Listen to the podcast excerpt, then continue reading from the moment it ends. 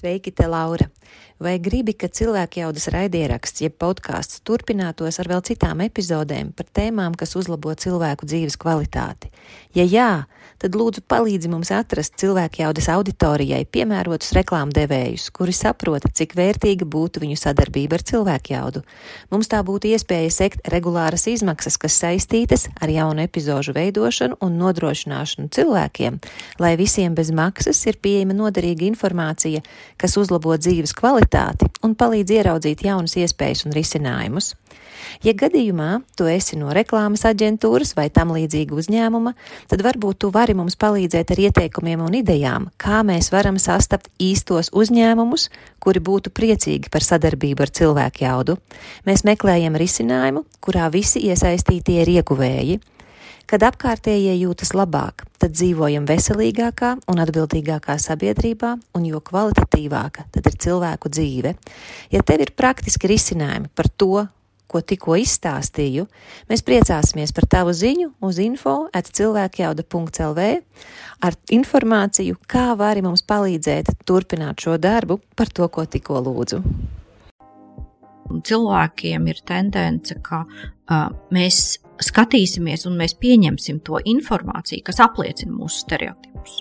Savukārt uz to informāciju, kas ir pretēja mūsu dzimtas stereotipam, mēs eh, drīzāk šo informāciju noraidīsim. Mēs to nepaturēsim ja, savā šajā amplitūnā, jo tā neatbilst mūsu stereotipam. Tas ir sarežģītāk. Neraudi kā skuķis. Jā, maskulinitātes vairāki pētnieki ir teikuši, ja jūs tiešām gribat sačakarēt puiku, tad tie ir tie vārdi, visbriesmīgākie vārdi, viskaitīgākie vārdi, ko mazam puikam jūs varat pateikt. Mēs noniecinām otru dzimumu, un tā ir pirmā frāze, kas puišos iemāca seksismu. To vajadzētu izslēgt no jebkura cilvēka repertuāra. Nu, principā no dzimšanas, no rozā un zilām drēbītēm un visa pārējā no mašīnītēm, lēlēm, no multiplikācijas filmām, no Disneja princesēm. Tie saucamie meta vēstījumi, viņi ir visapkārt sabiedrībā. Balsošana ar maciņiem mēs kā patērētāji neizprotam un arī līdz galam var, neizmantojam šo savu varu. Mēs varam apzināti izvēlēties to zīmolu, kas savā komunikācijā neforsē šo sievišķības stereotipu vai vīrišķības stereotipu. Apzināties savu uh, patērētāju varu ir būtiski. Es tiešām aicinātu šo varu vairāk izmantot. Brīva vidē un dzimuma līdztiesīga un vispār atvērta, varbūt tā sabiedrība jau no zila gaisa nenokritīs. Viņa neradīsies vakumā, viņa neradīsies tukšumā, ja apzināti to nevirzīs un neveidos. Es esmu Laura Denlere. Projektā Cilvēka jauda es izjautāju zinātniekus, mediķus, sportistus, uzņēmējus un citus radošus, gudrus un drosmīgus cilvēkus. Šīs sarunas palīdz iepazīt sevi un vairot savu cilvēku jaudu. Šodien cilvēku jaudas epizodē es sarunāšos ar Maritu Zitmani. Maritas darbam es uzmanību pievērsu tad, kad lasīju vairākus rakstus internetā par uh, dzimumu diskrimināciju, par nevienlīdzību, uh, par dažādām situācijām, kādā viens vai otrs dzimums cieš. Un tad es sazinājos ar Maritu un esmu ļoti laimīga, ka viņa piekrita mūsu sarunai. Un mūsu mērķis ir parādīt, jeb darīt uzmanīgus mūsu katru uz tām situācijām, kur tas, ko mēs domājam par dzimumu, ierobežo mūsu jaudu, ierobežo mūsu potenciālu, ierobežo mūsu iespējas tiešām dzīves laikā īstenot savu potenciālu, pievērsties tam, kas mēs patiesībā esam, kas mūs patiesībā interesē, kā mēs vēlamies dzīvot. Un no savas pieredzes ar dažām tādām nepatīkamām saķeršanās situācijām Instagram, uh, varbūt arī Facebookā šobrīd neatceros. Tie aizspriedumi vai tie stereotipi, kas valda cilvēku domāšanā, ir tie, kas bieži vien mums traucē uh, mēģināt izprast situāciju. Tā vietā mums ir tā doma, tā ir pareizi, tā nav pareizi. Ja tu nesaki tā, kā, tā kā es esmu pieredzējis domāt, tā tad, nezinu, tu esi muļķe, vai tu esi ļauna, vai tu esi bīstama. Un līdz ar to es vispār tevi kancelēju, es tevi atceļu, es tevi neklausos, neko negribu zināt. Pirmkārt, katram cilvēkam ir tiesības paturēt savu viedokli. Un vienīgi, man liekas, es tagad neatceros, kurš no cilvēkiem, kuru es, ar kuru es sarunājos, bija tāds, kas teica, ka Mums ir ļoti jāuzmanās ar saviem stereotipiem, vai tiešām tie mums visu laiku kalpo, vai gadījumā mums nevajag reizēm pārskatīt savas pārliecības, kā paveidināt, un tad padomāt, kuru es paturu, un no kuras savukārt šobrīd man ir izdevīgi jau atbrīvoties. Es ceru, Marita, ar tavu palīdzību radīt tādu situāciju, ka cilvēki vienkārši vairāk ieraudzīs, kā viņu darbības un izvēles atbalsta vai traucē tas, kā mums ir iegājusies mūsu domāšana par dzimumiem. Bet vai tu vispirms, Marita, vari ar sevi iepazīstināt, kas ir tava nodarbošanās? Oh, tā, nu, CV pirmajā ailītē būs rakstīts, ka es esmu Latvijas Universitātes sociālo zinātņu fakultātes asociētā profesora. Tā ir, var teikt, mana primārā nodarbošanās, mans maizes darbs. Es strādāju komunikācijas studiju nodaļā. Es tad strādāju ar studentiem, par komunikāciju un pie dzimuma lietām es arī nonācu tieši caur komunikāciju, attiecīgi pievēršoties un savu maģistra darbu rakstot, un pēc tam arī disertāciju aizstāvot par uh, dzimtas stereotipiem. Um, komunikācijā, um, disertācijā tas bija konkrēti, konkrēti reklāmā. Un tieši caur šo savu akadēmisko interesi, media and gender studies, tad mēdīju un dzimtas studijas, kas man radās studiju laikā, un ko es arī savu šajā akadēmiskajā pētniecībā uh, uh, velku sev līdzi un, un, un pieturos. Es arī nonācu tīri praktiski līdz dzimumu līdztiesībai, tādā kā praktiskam aspektam. Tad, tad dzimuma līdztiesības rīcība, politikas analīze, dzimuma līdztiesības dažādi veicināšanas instrumenti, dzimuma līdztiesības integrētā pieeja un tā tālāk un tā joprojām sāku. Nu, laikam jau tagad kaut kā 12 gadi kopš es dažādos pārsvarā tie ir Eiropas Savienības finansēti projekti, tādi, kas ir nu, attiecīgās valsts izpēta konkrētajā, konkrētajā jautājumā un tā lēnām lēnām, pamazām pašai mācoties un ejot ar projektiem, daudz ko uzzinot. Tad es varu arī teikt, ka es tagad jau tā darbojos arī kā dzimuma līdztiesības, dzimuma līdztiesības eksperts un esam pagājušo gadu ļoti intensīvi arī runāju par šīm lietām dažādās, dažādās auditorijās, dažādos, dažādos kursos. Nu, tā tas būtu īsumā par mani. Paldies, Marita Liels. Man te ir jautājums, kas, kas ir traucējoši tiem pašiem cilvēkiem, kas iestājas par dzimumu nelīdztiesību? Varbūt ne tieši, bet netīšām. Tad, tad kādā veidā viņi paši zaudē, uzskatot, ka šī dzimtas nelīdztiesība mm -hmm ir patiesībā pareizais veids, kādā dzīvot. Tās ir bieži vien, ko es dzirdu, kā no dabas, no dieva, piesauc, ko tur gribi, iestatīta lietu kārtība, kā tam vajadzētu būt. Un, Tie cilvēki jūtas parasti arī diezgan lepni par to, ka es nesu savu krustu, tāds ir tas mans uzdevums, jeb arī viņiem, tai otrai pusē, tā ir jānes savs krusts. Kā tev šķiet, kur viņi paši zaudē? Un mēs, jo es domāju, lai vai cik es uzskatītu sevi par tādu diezgan nu, brīvu savā domāšanā, diezgan atvērtu, ir pa pilnam visādu stereotipu un aizspriedumu, kurus es vienkārši vēl neesmu pat pieķērusi, ka man tādi ir. Un tad, kad es esmu iepriekš nonākusi saskarsmē ar tiem, man ir ļoti grūti atzīt, ka jā, man ir tādi mm -hmm. stereotipi, un tā, tā pirmā vēlme ir aizstāvēt un pateikt, ka tā kā es esmu domājusi līdz šim, ka tā nu ir pareizi. Uh mhm. -huh. Manuprāt, pirmais, uh, un ko tu arī ļoti labi iezīmēji par šo te mm, grūtībām tik galā ar stereotipiem, ir uh, pirmais mums ir jāsaprot, ka stereotipi ir neizbēgama lieta. Diemžēl tas ir veids, um, kā cilvēki tiek galā ar informāciju. Tas ir veids, kā mēs uh, apstrādājam informāciju, kā mēs uzkrājam informāciju. Nu, savā ziņā stereotipi ir neizbēgami. Tad, tad um, nu, es izmantoju līdzību ar zip failu. Ja, ja mēs gribam, mums ir liels, liels daudz, daudz dažādu folderīši, un mēs viņus gribam, viņi aizņem daudz vietu, un, un mēs viņu saspiežam mazāk, sazipojam. Ja? Ir tāda, tāda, tāda lieta, viņi tā kā saspiežās. Tas ir stereotips savā būtībā. Mēs saspiežam ļoti dažādu informāciju līdz kaut kam vienam. Uh, nu, tas ir vienkāršāk šādā veidā mums to informāciju apstrādāt. Mums šo informāciju uztvert, glabāt, sazināties, komunicēt, būt šajā pasaulē, kur cilvēkam būt ir diezgan grūti, jo mēs visu laiku tiekam bombardēti ar, ar, ar jaunu informāciju, ar jaunām zināšanām, ar jauniem cilvēkiem nepārtraukti. Un mēs īstenībā pat mēs nevaram atļauties. Nu, tad, tad, sākt no, no, nezinu, no pasaules radīšanas sākuma līdz šai dienai un iziet visam tam cauri. Mums ir ātri jāpieņem lēmumi, mums ir ātri jāorientējas tajā, kas notiek. Līdz ar to mēs uh, izmantojam šīs saīsnes, ja, uz, uz, uz, uz stereotipus.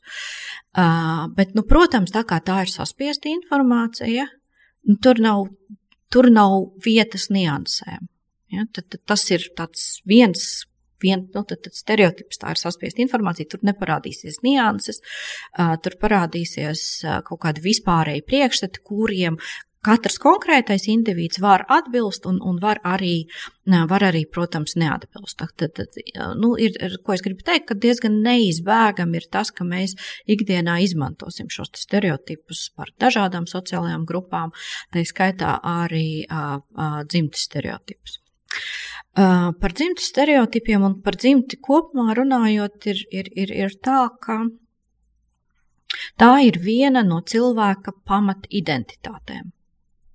Ja tev, piemēram, paprasīs, kas tu esi, viena no pirmajām sieviete. Jā, tieši sieviete. tā. Ja, ja ne pirmā pati, tad vismaz nu, tuvāk top 3 pilnīgi noteikti būs, es esmu sieviete vai es esmu vīrietis, un, un, un, un pēc tam jau sakošu tur, nezinu, latvietis, tur rīdzenieks, eiropietis un tā tālāk. Līdz ar to, nu, tad, tad uh, un arī visus citus cilvēkus mēs, pir, pirmais, ko mēs redzam, mēs atpazīstam šo dzimumu. Ja? Un dzimta līdz ar to arī. Un mēs uzreiz izmantojam šo esošo stereotipu. Tas mums ļoti, nu, tas ir tāds, var teikt, informācijas marķieris. Mēs par to dzīvē vadamies, ārā reku pretī nāk vīrietis. Atzīšos, man arī ir bijis situācija, uh, iela tukša, diezgan šaura, un redzu pretī krāvējs, nu, man jāiet tālāk pa to ielas pusi, krauju, izkrauju, izkrauju šo savu krāvu. Un es saprotu, ka man ir jā, jāpār, jāaiziet starp, vi, starp šo mašīnu un viņu, kas ir ļoti šaura, šaura lieta. Ko es izdaru? Es pārēju ielas otrā pusē. Es izvairos no šīs iešanas. Atkal, protams, vadoties nu, šajā gadījumā arī no stereotipiem par to, ka nu, es labāk ne, nebūšu tik šaurā telpā starp ar, ar, ar nepazīstamu vīrieti un tā tālāk. Jā, arī tāds nu, varētu teikt, aizskarošs varbūt stereotips pret, pret vīriešiem, pārējie ielas otrā, otrā pusē. Nu, tad, tad, jā, tādās ir tā, tā situācijas, mēs dzimums ir ļoti uzskatāmi, Mēs lielākoties atšķiramies sabiedrībā, mums diezgan viegli var, var identificēt. Un tad, tad pirmais jau tas šis te ir filtrs, ka mēs izlaižam cauri šo informāciju, ir, ir šie dzimtes, dzimtes stereotipi. Es varu mazliet iestarpināt. Protams. Es vienkārši iedomājos visas tās reizes, kad man ir saskarsme ar kādu cilvēku, kur es nevaru uzreiz saprast viņa dzimumu. Uh mhm. -huh. Un it īpaši, ja es neesmu viena, bet es esmu kopā vienalga vai ar vīru, vai ar draugu, pilnīgi vienalga ar, kā, ar kolēģi kādu. Un tagad Un tas nav tā, ka tas cilvēks vienkārši paiet garām. Nu, nav, nu, es pat nepaspēju viņu pamanīt. Bet tur ir, mums ir kaut kā jāmiedarbojas ar to cilvēku. Un no vienas puses, nu, kāda man atšķirība, vīrietis vai sieviete? Nu, tā, ja man nav ar viņu nekas dzīvē jāsasaist, tad viņš var būt jebkas, viņš var būt vīrietis, viņš var būt sieviete. Bet tas, tā, tā reakcija sākumā nevar saprast. Ir vīrietis vai ir sieviete? Un tad tā kā nevar likties mierā, gribas noskaidrot. Un tad mēs sākam tā kā. Nu, ja, piemēram, kam es, attiecībā, kam es prasu, nu, mans vīrs vienmēr saka, jāstāsta pēc krūtīm. Ir, bet, nu, ir sievietes ar ļoti mazām krūtīm, kurām viņas nevar tā pamanīt. Tad ir kas saka pēc auskariem. Tad nu, ir visdažādākie veidi, kādā, kādā cilvēkā Jā, un tas, un tas jocīgais ir tiešām, kā tu teici, tas ir mūsu tāds domāšanas modelis, jo, ja es tā padomāju, man ir pilnīgi vienalga, kas šis cilvēks ir, bet tomēr tā pirmā uzvedība ir, man vajag skaidrību. Lai gan, kad es padomāju loģiski, nu, priekš kam man tā skaidrība, nu, nekam man viņu nevajag. Nu, jā, tas tad, kad mēs ielaižam savu racionālo. Ja, tad mēs varam pateikt, ka man tas ir vienalga. Bet tā pirmā uh, lieta ir šī noskaidrošana, jo tad, tad, uh, tie dzimtes stereotipi ir ne tikai par to, kā būtu tam otram cilvēkam jāuzvedās. Nu, tad mēs uzreiz varam modelēt sagaidāmu reakciju. Nu, varētu teikt, ka tas ir kaut kāds tāds tā kā drošības mehānisms, ka ja mēs identificējam, ah, vīrietis, ah, sieviete, nu, tad, tad mēs zinām, ko sagaidīt, un mums ir drošāk, ja, vadoties, protams, no šiem stereotipiem.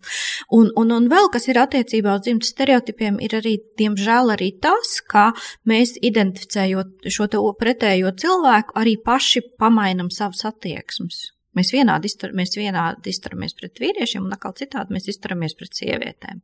Nu, tad, tad, tad varbūt tas tad vienā pozīcijā mēs ieturēsim vairāk distanci, otrā pozīcijā mēs uzreiz, nu, tad, tad atkarībā no, protams, arī no sava dzīvuma šo te uh, izturēšanos, uh, izturēšanos uh, pielāgosim. Tas arī ir attiecībā, ko, ko rāda pētījumi un apstiprina to, pēt, to pētījumu, ka nu, mūsu pašu attieksme mainās uh, saistībā ar to, ar ko mēs komunicējam kāds šim cilvēkam ir, ir dzimums. Un tad vēl ir kaut vai tāds ļoti banāls aspekts, vēl trešais, ko es varbūt izceltu. Tas, protams, attiecās valoda, kādā mēs runājam. Nu, latviešu valodā ir dzimte, ir šī kategorija, ja, un no lietvārda dzimtes at, ir atkarīgs visas pārējās um, vārdšķiras, un, un ļoti bieži vienkārši ir ļoti grūti uz, uzkonstruēt šo runu, ja, tu, ja, ja šī lietvārda dzimte, dzimte nav zināma. Tā kā, nu, tur ir vesels mikslis, bet jā, tāpēc es saku tā, tā ir dzimtes identitāte ir šī primārā. Arī tāpēc mēs arī varbūt arī ar savu uzvedību, ar savu izskatu signalizējam, lai cilvēkiem būtu jā, vienkāršāk mūs atpazīt. Un mēs, protams, arī sagaidām to pašu no, no, no pretējās puses. Diemžēl pētījumi rāda, ka šiem dzimtes stereotipiem ir, ir ļoti rigidi. Viņi ir ar ļoti zemu fleksibilitāti.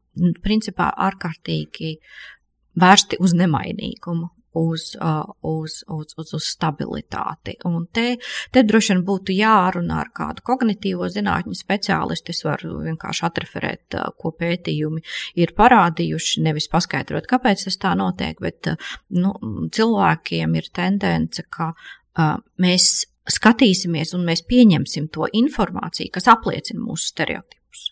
Savukārt uz to informāciju, kas ir pretēja mūsu dzimtas stereotipam, nu, stereotipam par vīrieti vai par, par, par sievieti, mēs drīzāk šo informāciju noraidīsim. Mēs to nepaturēsim ja, savā šajā amplitūnā, jo tā neatbilst tam mūsu stereotipam. Tas ir sarežģītāk, acīm redzot. Es, es varu vienīgi citēt savu bijušo pasniedzēju Sergeri Kruku, kas teica, ka cilvēks ir kognitīvais sliņķis, mums domāt ir apgrūtinoši. Nu, tā, tāda tā tendence ir, un, un te es arī atceros, man nu, pat tās ir um, vien, vienā kursā, kuras, uh, kuras studentiem lieku kā studiju darbu rakstīt tādu vērtējumu par, par mēnesi viņu dzīvē, lai nu, pareflektētu, kurā brīdī viņi kā vīrietis vai sieviete ir sastapušies ar dzimtas stereotipiem, vai arī paši izmantoju šos stereotipus.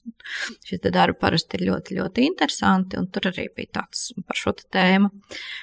Puisis rakstīja, nu jā, ka sievietes jau ir, ir, ir, ir slikts šoferis, un es tagad arī nu, tur braucu un, un, un, un, un konstatēju, jā, nu, ka tur jā, tiešām ir, bet tad, kad ir, un tad es pēc tam atskatos, nu, tā, bet tā kā es liku, ja, šo reflektēt un tā, bet es tā kā atskatījos un pa, ievēroju, vai mēģināju saprast, vai tiešām ir tā ir sieviete bijusi pie stūras, nu, kas ir izdarījuši šo manevru, nu, izrādījās, ka nē, ka biežāk jau tās nav sievietes, nu, bet tomēr tas ir cits jautājums. Ja?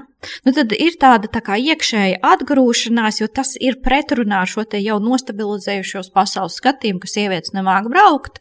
Un, attiecīgi, es domāju, tas ir tāds arī labs, labs piemērs, jo, nu, jebkurš var, var, var identificēties, ka to, ko mēs redzēsim, slikts braucējs, tā bija sieviete, to mēs atcerēsimies. Un tās 35 reizes pret to vienu sievieti mēs aizmirsīsim, jo tas neatbilst tam stereotipam. Nu, tā tie stereotipi strādā. Viņi zināmā mērā strādā kā tāds bloks, ja?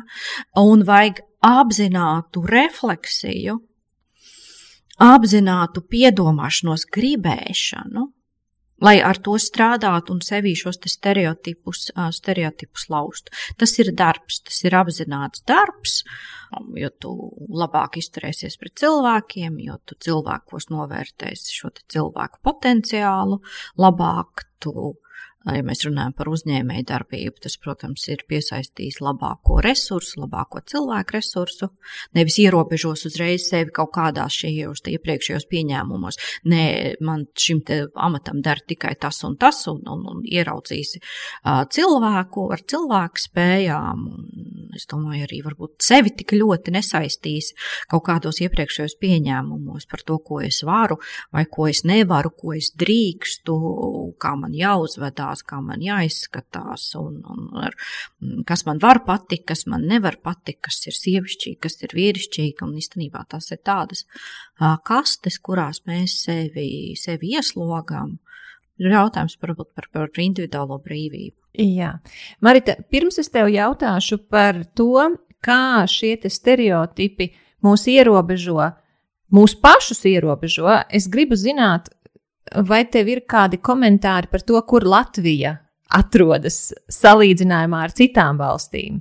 Varbūt tu vari aprakstīt, kas ir tādas eh, no stereotipiem brīvākas valstis, ja tādas ir, un un kur atrodamies mēs, un kas tad ir, kur tad ir vēl draņķīgāk nekā pie mums?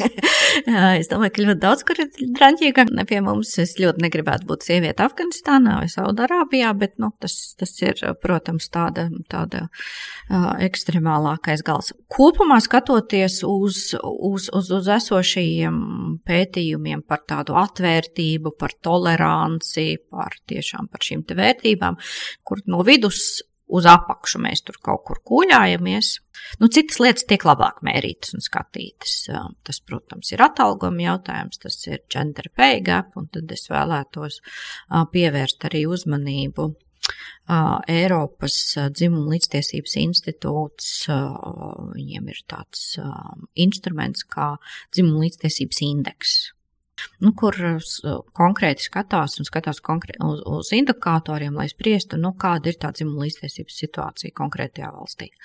Nu, mēs arī tur esam tā no viducīša bišķi uz leju. Nu, tad, tad ir Eiropas Savienībā, kur ir sliktāk, un ir, protams, kur ir, kur ir labāk. Vārte, protams, minēt to, ka nu, tas pēcpadomju kaut kāda elpa un ietekme mums velkas līdzi, jo arī citām, nu, ja mēs skatāmies Eiropas Savienības kontekstā, tā, tām saucamajām jaunajām dalību valstīm ir līdzīgi, ja, šie te, šie te rezultāti, un mēs tā vai citādi, nu, mēģinam tik galā. Dažas valsts labāk, dažas sliktāk, dažas, teiksim tā, ar aktīvāku rīcību politikas ieguldījumu, dažas ar ļoti tādu ne tik aktīvu rīcību politikas ieguldījumu mēģina ar, ar, ar to tik galā. Jo brīva vidē un dzimuma līdztiesīga un vispār atvērta varbūt tā sabiedrība jau no zila gaisa nenokritīs. Viņa neradīsies vakumā, viņa neradīsies tukšumā, ja apzināti uh, to uh, nevirzīs un neveidos. Um, nu, tāpēc šī valsts kaut kāda loma, intervence, rīcība politika ir, ir, ir ārkārtīgi, ārkārtīgi būtiska. Man te ir jautājums, vai, vari, vai tev ir zināms, kā Latvija ir šajā situācijā salīdzinājumā ar Lietuvu un Igauniju? Arī Lietuvā ir labāk. Igauni toties visu laiku ir bijuši Eiropas Savienībā vadošajās pozīcijās, tur, kur nevajadzētu būt vadošajās pozīcijās, attiecībā uz gender pay gap, viņiem ir uh, vienmēr bijis vislielākais, bet mēs esam panākuši, mums ir vislielākais. Jā. tajā, tajā pozīcijā, ka mums noteikti nevajadzēja arī Igaunijas ansensties un lepoties, ka mums ir kaut kas vairāk. Tur mēs viņus esam šogad, šogad panākuši. Jā, mums ir bijis ļoti straujas regress šajā jomā. Un kā tev liekas, kas tam ir iemesls, ka mums tajā ir pēdējā laikā bijis strauji regress? Viens, ko saka statistiķi, ir Covid ietekme, ka Covid daudz ko pamainīja un nu, piemēram, tās jomas, nu, kurās atkal jau vairāk strādāja sievietes, arī bija tās, kas cieta no Covid, Covid ierobežojumiem visvairāk. Nu, tas ir tāds, piemēram, viens, viens skaidrojums, bet es domāju, ka tas nav viss. Um, jo nu, statistika apkopo, bet pētījumi tādi, kas ir padziļināti un kas nu, mums, mums, mums trūkst mums ar šiem pētījumiem, tādiem um, dziļajiem pētījumiem Latvijā varētu būt labāk. Mm -hmm, paldies. Es domāju tagad par to netaisnību, ko piedzīvo viens dzimums uh, attiecībā pret otru dzimumu. Un, piemēram, nu, teiksim, tad, kad sieviete ir ambicioza, tad, ka viņai ir tādi augsti mērķi, ka viņa skaidri zina, ko viņa grib, viņa uz to iet, nu, tad bieži vien viņai var pateikt, ka Tur ir uh, vēlns bruņķos, vai arī tā jau baigā maita ir, tur iet pāri līķiem un vēl nezinu ko. Un vīrietis ar tieši tādu pašu uzvedību, oh, forši zina, ko grib, ir mērķtiecīgs. Tur tas ir kā pluss, ja sievietei to pašu piešķir kā mīnusu. Un es domāju, ka ir arī lietas tieši tāpatās, kur ja vīrietim kaut kas tam līdzīgs piemīt, tad viņu no, noraksta kā tur sievišķīgu vai vārgu, un savukārt sievietei, nu, foršs cilvēks, jā, sirds īstajā vietā. Un, kur tad vīrietim tā sirds nav tad īstajā vietā? Tad arī tiek pārmest. Un pirms mēs ķeramies klāt pie šīm netaisnībām, jo es tev lūkšu piemērus no mūsu ikdienas, kur, kur mēs tiešām ar to saskaramies, un varbūt tev pat ir tādi piemēri, kur mēs eh, paši pat nepamanām, ka mēs ciešam.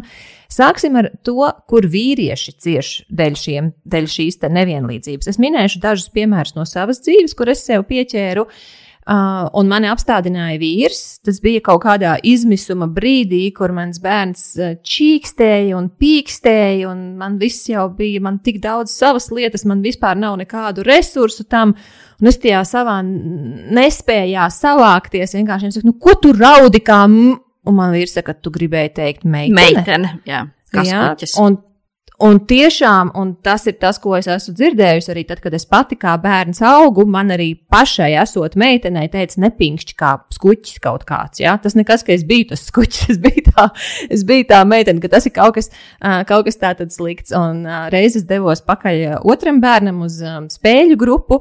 Bērnam tajā brīdī bija, man liekas, ka trīs gadi apmēram. Un, un es ienāku, mans bērns ir laimīgs, ieģērbies Elzas ledus princeses kleitā un virpuļo arī riņķī, mamma skaties, tik tā kleita skaisti griežas. Mammai vajadzēja dažas dziļas ielpas.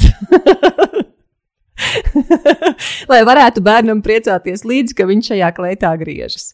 Tad tās tādas lietas, kur es sev pieķēru. Arī uh, bērni atnāk no skolas, un uh, viņiem tur ir šūšanas darbiņš, un izšūšanas darbiņš, un tamborēšana, un viņi ir sajūsmā, kā viņiem tie darbiņi patīk. Un man tāda pirmā doma ir, ka viņiem tur kaut ko puikām piemērot, arī mācīs, nezinu, ja, ja tikai tur izšūs un, un tā, lai gan tajā pašā laikā es uzskatītu, ka mani ļoti ierobežo, ja man liek tikai izšūt un tamborēt, kas ir visas lietas, kas man ļoti labi padodas, bet es gribētu arī labāk apieties ar āmuru, zāģi un es nezinu, kas tur vēl visādi par instrumentiem ir iespējams. Tad kas ir tas, kur tu redzi savā darbā, ikdienā, ka vīrieši cieši netaisnību dēļ mm -hmm. mūsu aizspriedumiem? Vispirms bišķiņa tāda zinātne, bet es apsolu, ka, ka nebūs sarežģīta. Tas, ko sauc par bināro opozīciju attiecībā uz dzimtes stereotipiem, ir tas, ka viņi ir savstarpēji izslēdzoši. Tas, ko tu nu patās minēji, ka, ja vīrietis ir ambiciozs, tas ir forši, ja sieviete ir ambiciozs, tas ir atkal neforši, tas nav sievišķīgi, ja, vīrietis. Tad, principā, šie dzimtes stereotipi strādā, zini, ir kā magnēti, kurus ar tiem poliem, vienā brīdī liek, vai nu viņi saskarās, vai ir tā, tāds lauks, kas atgrūžās. Tā ir šie dzimtas stereotipi. Viņi atgrūžās. Vīrietis ir stiprs, sieviete ir vāja. Sieviete ir emocionāla, vīrietis nav emocionāls. Tad, tad principā, nu, tas ir savstarpēji izslēdzošas lietas. Um, nu, tāpēc arī, uh, ja mēs ieraugam tās pretējās īpašības, tās ir tik grūti pieņemt. Un par to skuķi neraud kā skuķis. Jā, tad, tad maskulinitātes vairāki pētnieki ir teikuši, nu, ka jūs, tie, ja jūs tiešām gribat sačakarēt puiku, tad tie ir tie vārdi, visbriesmīgākie vārdi, viskaitīgākie vārdi, ko puikam, mazam puikam vai, jūs varat pateikt. Nu, Tas ir, to vajadzētu izslēgt no jebkura cilvēka, cilvēka repertuāra. Vairāku iemeslu dēļ, jo viens, mēs pazeminam sievietes, tad mēs pasakam, ka šis ir pats sliktākais, kā var uzvesties. Un tad, tad šādi uzvedas meitenes, un tas ir tā, tas sliktākais. Tad, tad mēs pazeminām sievietes, mēs pazeminām meitenes. Tas ir viens, uh, un otra lieta ir tas, ka mēs arī pasakām, ka šā, šāda uzvedība, emociju, emociju izrādīšana ir kaut kas, kas ir jādabū no sevis laukā, ja tu gribi būt vīrietis. Ja, ja, ja tu, jo, nu, tu, jo citādāk tu neatbildīsi vīrišķībai, tu neatbildīsi šim vīrieša, vīrieša stereotipam. Nu, es arī gribu teikt, ka tā ir viena no tām sfērām, kas, ko mēs redzam visapkārt ikdienā, kur mēs diskriminējam vīriešus, neļaujot šīm emocijām vispār parādīties. Jā. Tālāk, ja mēs paskatāmies mentālās veselības rādītājs Latvijā, nu, tas, tas ir universāli. Protams, mēs neesam nekādā ziņā īpaši visur šie rādītāji ir sliktāki vīriešiem. Tad, tad maskulinitātes pētnieki to tieši saista nu, ar emociju slēpšanu, ar to, ka īsti vīrieši neraud, īsti vīrieši nesūdzas, īsti vīrieši vienmēr ir drosmīgi, īsti vīrieši vienmēr kontrolē situāciju, uz viņiem vienmēr var paļauties. Bet ko tas prasa no cilvēka, ka tu esi šis te roka, ja, visu laiku? Tev ir tad, tad vīrišķības stereotips zināmā mērā ir pārvaldība, angliski saucas agency. Tad, kā no viņiem visu laiku tiek paģērēts tas, ka viņi sapratīs, ko darīt, viņi uzņemsies atbildību, viņi pieņems lēmumus, viņi rīkosies, viņi pelnīs, viņi būs racionāli, viņi būs loģiski. Nu, tad, tad tā ir arī ārkārtīgi liela spiediena uzlikšana uz, uz, uz individu. Kāds indivīds var um, šīm gaidām atbilst, cits, cits nevar. Tas ir, nu, tas ir vienkārši no, no, cilvēka, no cilvēka atkarīgs. Bet nu, tad, tad visu laiku ir, ir, ir šis spiediens, plus arī, protams, stereotips par to, ka vīrietim ir jābūt naudas pelnītājam. Ja mēs paskatāmies uz veselības rādītājiem Latvijā, nu, vienkārši gluži burtiski, es atvainojos par cinismu, bet nu, sakas tāds, ka nostrādājas līdz nāvei. Ja? Nu, agrākie, ves, agrākie mirstības rādītāji, sliktāka veselības kvalitāte, sliktāka dzīves kvalitāte, lielāk, lielāks atkarība risks, lielāks, šis ir lielāks pāragrās nāvis koeficients vīriešiem un tā tālāk un tā joprojām. Nu, tur ir tāda nu, bēdu, bēdu leja. Kā, kā piemērs, es domāju, ka visiem būtu pārsteigums arī, arī kā vīrietis paņem bērnu slimības lapu, ja bērns mājās slims. Nevis sieviete. Man te, man te ir komentārs, man te ir Jā. komentārs. Es atceros, tad, kad mēs ar vīru sākām apsvērt domu, ka mēs varētu būt ģimene, tad man vīrs teica, Es skatos, ka tev karjera ļoti interesē, tev ne, ne, nepārtraukti patīk dažādi profesionāli izaicinājumi. Zini, ja mums būs bērni, es ar prieku dzīvošu mājās ar tiem bērniem, tu droši strādā. Un lai arī no vienas puses, ja pirms tam man kāds vīrietis būtu centies pateikt, nu, tā kā būs bērni, tev jādzīvo mājās, es uzsistu, man uzsistu asinis, es paliktu dusmīga, vai kur te man te ierobežo, tad šajā gadījumā es sajūtos ļoti nobijusies. Kas tagad, tagad tā, tāds te ir? Man te tagad viņš vēl būs jāuztur. Es te piedzemdēju tos bērnus, es te viņus ar krūti baroju, un tā vēl man būs strādāt jāiet. Un bija viens brīdis, kur man tiešām galvā uzplaiksnīja doma, kas tas par mīkstu, ar ko es taisos ģimeni veidot. Lai gan patiesībā manam vīram vienīgais mērķis bija pateikt, es tevi atbalstu. Kā tu gribi, tā tu dari. Mm -hmm. Bet tas, ka es to uztvēru tiešām no šī te, no tā baiļu, no tā aizsprieduma puses, tad jau tas nav īsts vīrietis, ja viņam Jā. kaut kas tāds vispār ir ienācis prātā. Vēl es arī atceros situāciju vairākās draugu ģimenēs, kur nu, ir bijusi gan 2008. gada krīze, gan tagad arī Covid krīze, kā kurā ģimenē, un tad pienāk šie grūtie laiki, un tas vīrietis, kā tu teici, viņam no viņa sagaida šo pārvaldību, ka viņš vienmēr zinās, kāds ir risinājums, viņš vienmēr atradīs, kā tur nopelnīt, kā mēs, kā mums viss būs labi. Un tagad ir tā krīze, un tie vīrieši paši ir apjukuši. Nu, tā kā pilnīgi jauna situācija, un, un, un ģimenei ir vajadzības, ģimenei ir izmaksas, nu, ir grūti, un vēl kaut kāds papildus apgrūtinājums notiek, piemēram, veselības sakarā, teiksim, vēl kādam ģimenei. Un tad ir tas kā, šoks, un tas cilvēks, un tāpat kā jebkurš no mums, varētu vienkārši nu, apstulbt kādu laiku, būt neziņā, pazaudējies. Vai, Un tad tās sievietes paliek nu, tādas rīktīgi niknas, kas tu pa vecies, ej, tu tur pelni. Un, un tās sievietes man arī pašas ir teikušas, viņas zina, man kauns, ka es tā daru. Es taču redzu, ka cilvēkam slikti ir, bet manī ieslēdzās kaut kādas izdzīvošanas nejaucība iekšā. Tagad viņ, viņ, man vajadzētu viņam iedot pauzi, lai viņš var attiekties, bet tā pauze vienkārši man paniku uzdzen, ka viņš tagad te, uh, attieksies un mēs pa burbuli noiesim. Tāpēc man tas iekšējais instinkts vienkārši liek viņu kaut zīt, ej, tu beidzot esi vecis, tu izbeidz te muļāties. Nu, ļoti Ļoti tipiski, jā, bet nu, tas ļoti arī ilustrē ļoti labi to kasti, kurā mēs sevi ieliekam iekšā. Ja? Un, un varbūt pat nepadomājot par, par to, kādu tālāko, nu, kādu tālāko iespēju uz to pašu mentālo veselību tas, tas, tas var atstāt. Tas ir vienkārši ilustrē to, to kā mēs domājam, kā mēs, mēs skatāmies uz pasauli un kā mēs esam izauguši, ja? ar kādu šo modeli mēs esam izauguši un kādu informāciju mēs saņemam dien dienā. Un, uh, un īstenībā no tiem stereotipiem, es saku, ir, ir, ir nu, ja tu apzināti piedomā, ja tu apzināti piefiksē, ja tu apzināti analizē, tu reflektē, un tad es neteiktu, ka, ka jebkurš cilvēks nevar būt simtprocentīgi brīvs no kaut kādiem uh, saviem aizspriedumiem un, un, un, un, un, un, un stereotipiem. Tie tā vai tā parādīsies, jo, nu, varbūt es pateikšu tagad ārkārtīgi banalitāti, bet mēs tos bez mazliet ieēdam ar mātes pienu. Ja? Tad jau, jau no, no, dzim, nu, principā no dzimšanas, no rozā un, un, un, un, zilām drēbītēm un visa pārējā no mašīnītēm, lelēm, no multiplikācijas filmām, no Disneja princesēm. Man prieks, ka Elza, Elza Svārka bija un bija kuplī uz puikam. Tā kā, nu, tas, tas vienkārši, nu, tie saucamie meta vēstījumi, viņi ir visapkārt sabiedrībā. Un tad vēl ir draugi vai, vai uh, vecvecāki īstenībā ir diezgan toksisks elements ik pa brīdim.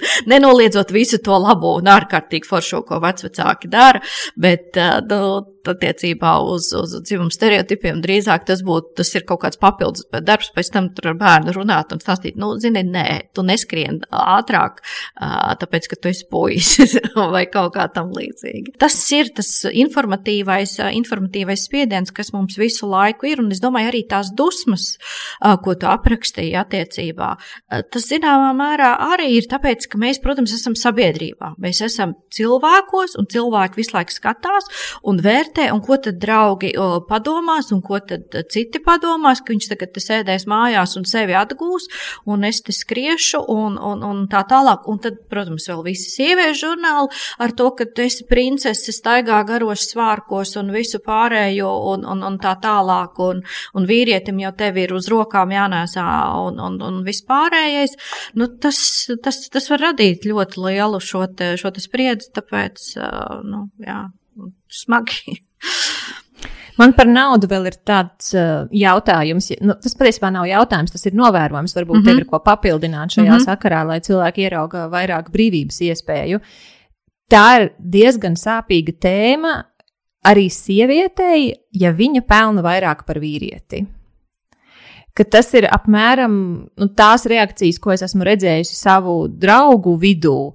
Uh, vairāk gan es atzīšos, nu, kā tu teici, bijušais padomju bloks vairāk tajās valstīs ir par to, ka es pelnu vairāk, bet es to tā nevaru teikt, nu, kā sieviete, jo tas nozīmēs atzīt, ka mans vīrietis nav pietiekami kvalitatīvs savas sugas pārstāvis. Tas nozīmēs atzīt, ka es esmu defektīva, ja jau reiz man tāds partneris manā dzīvē ir. Un nu, tur, tur visdažādākās tās sajūtas ir apakšā. Mēs tā kā no vienas puses gribam labi dzīvot, bet tur, kur pastāv šī kaut kāda tie mums neizdevīgie stereotipi, mēs skatāmies uz mums nevis kā uz komandu, kur ir vienalga, kurš cik pelna, galvenais ir kā mums kopā iet, un tikai tā mēs skatāmies, kā mēs varam to situāciju atrisināt, bet te mēs iebraucam vēl lielākās uh, savstarpējās grūtībās. Te mēs atkal nonākam pie tā, ka ja kas neatbilst tam priekšstatam un, un, un, un stereotipam, mūs uzreiz trigero. Es teikšu tā. Te es arī gribētu uzsvērt to informatīvo spiedienu noteikti.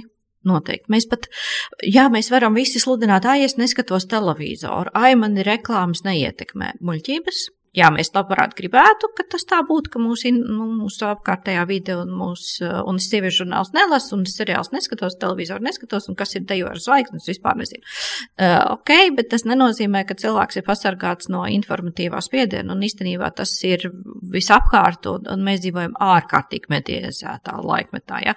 Instagram paskatāmies, kas ir visas šīs te influenceres un vispārējais, tur šis te sievišķības, nu, hiper, hiper sievišķība, tur tiek no visām malām sludināta sludināta. Tā kā es domāju, ka te ir arī šis te, nu, t, t, tas iespējas par labo dzīvi un par, par joprojām, nu, kaut kādā stereotipu līmenī tas sapnis par tādu tradicionālo nukleāro ģimeni, kur, kur vīrs aizbrauc no rīta um, ar mašīnu uz darbu un sieva paliek mājās un ir, ir, ir māja un, un, un mauriņš un suns un, un trīs bērni un šī te labā kaut kāds tāds, jā, tad, nekad ne, nav bijis, nu, varbūt īsu laiku 50. gados Amerikā, bet, nu, uz īsu laiku. Uh, bet, principā, neviens to, to īsti nav pieredzējis, jā, bet, bet, nu, kā, kā, teiksim, kā tāds popkultūras nospiedums, tas ir, ir, ir, ir visnotaļ liels, un tas mūs arī vajā. Un īstenībā, kas man bija tāds atklājums, klausoties šodienas, piemēram, popmūziku latviešu, ir diezgan daudz teksti, kur sevišķi šo hip hop un repa mākslinieku, kur šie puiši runā par draudzenēm, kurām vajag to un šito un to un šito, un viņam tagad ir jāstrādā pirksti jau jēli, man liekas, tur bija apmēram tāds teksts, bet, nu, meitenei tur vajag nopirkt tur kaut ko to, to, to, to jauno. Nu, tad, tad var redzēt, ka šis šis dzīvo mūsos, ja mēs tā, tā paši augam, to redz mūsu bērni un arī tādā veidā, uh, veidā aug. Un, un, un, un, nu, cilvēks ir sociāls dzīvnieks, mēs esam kolektīvs dzīvnieks, mēs dzīvojam sabiedrībā, mums ir ļoti būtiski būt par daļu no šīs sabiedrības, būt piederēt, iekļauties. Un, un, un, un tāpēc iet pret straumi ir ārkārtīgi sarežģīti, ir ārkārtīgi grūti, ir, ir, ir vajadzīgs ļoti, teiksim, stiprs, stiprs iekšas, un īstenībā mēs pat varbūt tās mēs nemaz nenovērtējam, cik ļoti tā apkārtējā vide mūs, mūs ietekmē un cik liels šis informatīvais spiediens ir. Un ka tas tālāk jau mums, mums varam pasmieties, ai, ai, ai, tas jau tikai ir reklāmas. Nu, kas tur ir, ka reklāmās tur rāda, ka sieviete vienmēr mazgā uh, traukus un vīrietis atkal vienmēr brauc ar mašīnu. Ha, ha, ha, nu tā jau tikai reklāma. Bet īstenībā jau tālāk jau tā, mēs jau savu, at, savu uzvedību modelējam pēc tā, kā, ko mēs zinām. Un ko mēs zinām, mēs mums nāk no mēdījiem. Tā ir tā mediētā pieredze. Un tad tālāk jau mēs redzam, ka, nu, nē, īstenībā jau mēs atdarinām to pašu savā, savā uzvedībā, savās attiecībās, kā mēs veidojam šīs ģimenes attiecības. Jā, ka mēs tad, tad, tad mums liekas, ka jā, vīrietim ir jābūt tam, kas tagad nāks un, un, un, un visu sakārtos un atnesīs to, to lielo naudu, un tas mūs frustrē, ja tas nenotiek atbilstoši šīm uzburtajām, uzburtajām gaidām. Tu runāji par informatīvo spiedienu, un mm -hmm. man viena lieta, kas vēl liek domāt par dzimumu nelīdztiesību, ir tajā, kas tiek sagaidīts no viena vai otra dzimuma, tad, kad viņi sāk tikties, tad, kad viņi iet uz randiņiem ka tā tad, nu, vismaz tā kā Latvijā lielākoties tas ir pieņemts, ka vīrietim ir jāizmaksā. Nu, kas tas par vīrieti, ja viņš neizmaksā? Un, savukārt, tas, ko es redzu Latvijā, vairāk no sievietēm tiek sagaidīts tas ārējais skaistums. Ka, ja viņa neatbilst kaut kādiem tur standartiem, nu, tie standarti nav tā, ka tikai viens vienīgs ir, tur tomēr ir kaut kādas variācijas, bet, nu, tomēr ja sieviete tajos neiekļaujas, nu, tad viņas izredzes uz uh, kvalitatīvu partneri, nu, tā kā ir pieņemts uzskatīt, kas ir kvalitatīvs partners, arī krietni samazinās. Un, kas varbūt tev šeit ir piebilstams no tavas zinātnieces pieredzes? Tie pētījumi Latvijā, kas ir bijuši par dzimumu stereotipiem, šo te apliecina pilnīgi. Ja? Tad, tad mēs varam tur uzskatīt, mēs varbūt kā cilvēki un kā sabiedrība esam iemācījušies atbildēt, ne, ka dzimumu lomas tas ir kaut kas traucējuši. Tāpat laikā, ja mums paprasa, kam ir jāapmaksā randiņā, Liekas, ka es varu tagad samalot. Man liekas, kaut kāds 67% saka, ka vīrietim ir jāmaksā nu, par, par, par randiņiem. Un, un tad attiecībā uz šo koptās sievietes tēlu nu, arī jā, tur milzīgā pārsvarā. Es tagad tiešām tos procentus neatcerēšos no galvas, bet jā, ka sieviete, sieviete ir jābūt koptai, savukārt par vīrieti. Mēs vispār tā nedomājam. Tur ir kaut kādi 12%, kas, kas piekrīt apgalvojumam, ka vīrietim ir jā, jārūpējas par savu ārienu. nu, tur ir diezgan nesvarīgi, kā, man liekas, lat, latviešiem bija tāds tā teiciens, ka, nu, ja vīrietim jābūt pišķi smukākam pa pērtiķi. Nu, tad, tad attiecīgi arī mēs, mēs no tā tad, tad vadāmies. Šie te, šie te stereotipi ir, ir, ir ļoti, ļoti noturīgi. Zināmā mērā tie būs arī, tie ir arī noturīgi tāpēc, ka tos, ja mēs runājam tieši par ārējo izskatu, tad um, nu šos, šo visu uh, apstiprina un pastiprina, protams, mārketinga industrija, kapitālisms. Nu, te mēs nekur neaizbēgsim. Uh, un priekšstats par to, ka vīrietim tomēr arī ir jās, jāsāk, sak, nu, ka ir jāsako savai ārienē, un mēs, uh, ja mēs pašķirstītu klubu, nu, tas jau arī tāds pats reklāmas katalogs bez maz vai vien ir.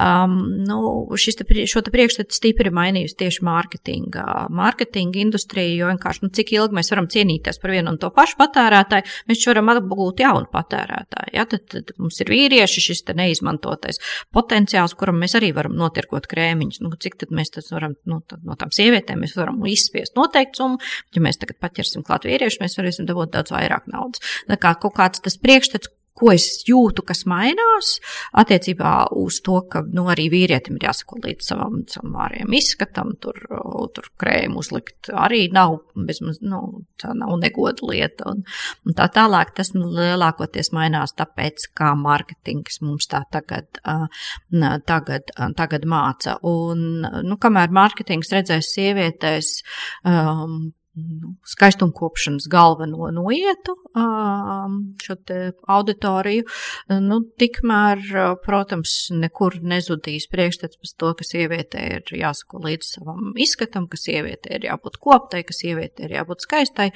Nu, problēma ir ne tikai kapitālisma sazvērstībā, bet problēma ir tāda, ka attiecībā uz sievieti, nu, kāds teorētiķis ļoti skaisti pateica, ka attiecībā uz sievieti mēs vērtējam, ka sievietei svarīgāk ir izskatīties nekā būt.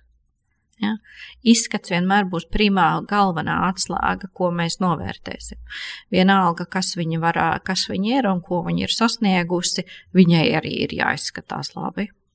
Un to, manuprāt, lieliski ilustrē arī Hillarijas Klintons piemērs, kad viņa startēja kandidēja prezidenta amatam Amerikā, man liekas, Delfos Delfi tie bija, jā, kur bija arī šajā sadaļā izklaide raksts par to, ka, nu, gudra un vēl labi izskatās. Nu, tur bija atlasīts kaut kāds bildes arī no viņas jaunības, kas apliecināja, jā, ka viņa ir, ir, ir izskatīga, izskatīga sieviete. Tāpat arī Merkele nav izbēgusi šim lāstam sevišķi pašā sākumā, ka viņa tikko kļuva pa kancleri, viņa tur tika arī kritizēta par, par kaut kādiem rozā kostīmiņiem un visu tā tālāk. Nu, tad, tad vienalga kā, ko tu esi sasniegusi, izskats, izskats, izskats, izskats. Vīriešus mēs neliekam tādās pašās šī izskata važās nekā, nekā sievietes. Jā, nu mēs tur varam paburkšķēt toreiz, ka Marim Kučinskim laikam uz preses konferences bija ar šo sāli, tās kurpes izbalējušas baltas, bet, nu, jau jā, nu, tad drīzāk tas raisīja, raisīja diskusiju par to, kā Rīgas ielas tiek tīrītas. Nu, es domāju, ka, ka sieviete diez vai kaut ko tādu jebkad, jebkad piedot. Tā kā, nu, tas ir vēl viena lieta, protams, kas prasa liels resursus, gan laika, gan naudas resursus, kas no sievietēm tiek, um, tiek pieprasīti. Tev ir jāspēj tas, tas, tas un vēl labi izskatīties. Jā, tad, tad mēs no katra dzimuma pieprasām kaut ko neiespējamu. No vīrieša mēs pieprasām, lai viņam vienmēr ir šī sevis pārvaldība, un no sievietes mēs pieprasām, lai viņai arī viss ir, un plus vēl ļoti skaisti izskatās. Jā. Un ir mīļa, ir saprotoša, gādīga, rūpīga, vēl labi gatavo un tā tālāk. Tā joprojām, nu, principā, jā, nu, mēs dzenam viens otru tādā iekšā, tādā neiespējamā virpulī, no kur tikt ārā. Nu, atkal, ja mēs, protams, kā cilvēki sadosimies rokās un sapratīsim, nu, priekš kā mums tas viss ir vajadzīgs, tad, jā, iespējams, mēs arī no tā kaut kad tiksim. Bet, kā es vēlreiz teicu, nu, tā kā šie stereotipi o, ir tik ļoti nu, teiktu, neizbēgam tajā, kā mēs apstrādājam informāciju, ja? tajā, kā mēs izvērtējam, kā mēs uzvedamies. Tad eh, nu, bez, tiešām bez tādas apzinātas vēlēšanās no viņiem mēs vaļā netiksim. Man tāds bišķi pesimistisks skats, varbūt. Jā, tu zini, man arī. jo tevī klausoties, man liekas, tā.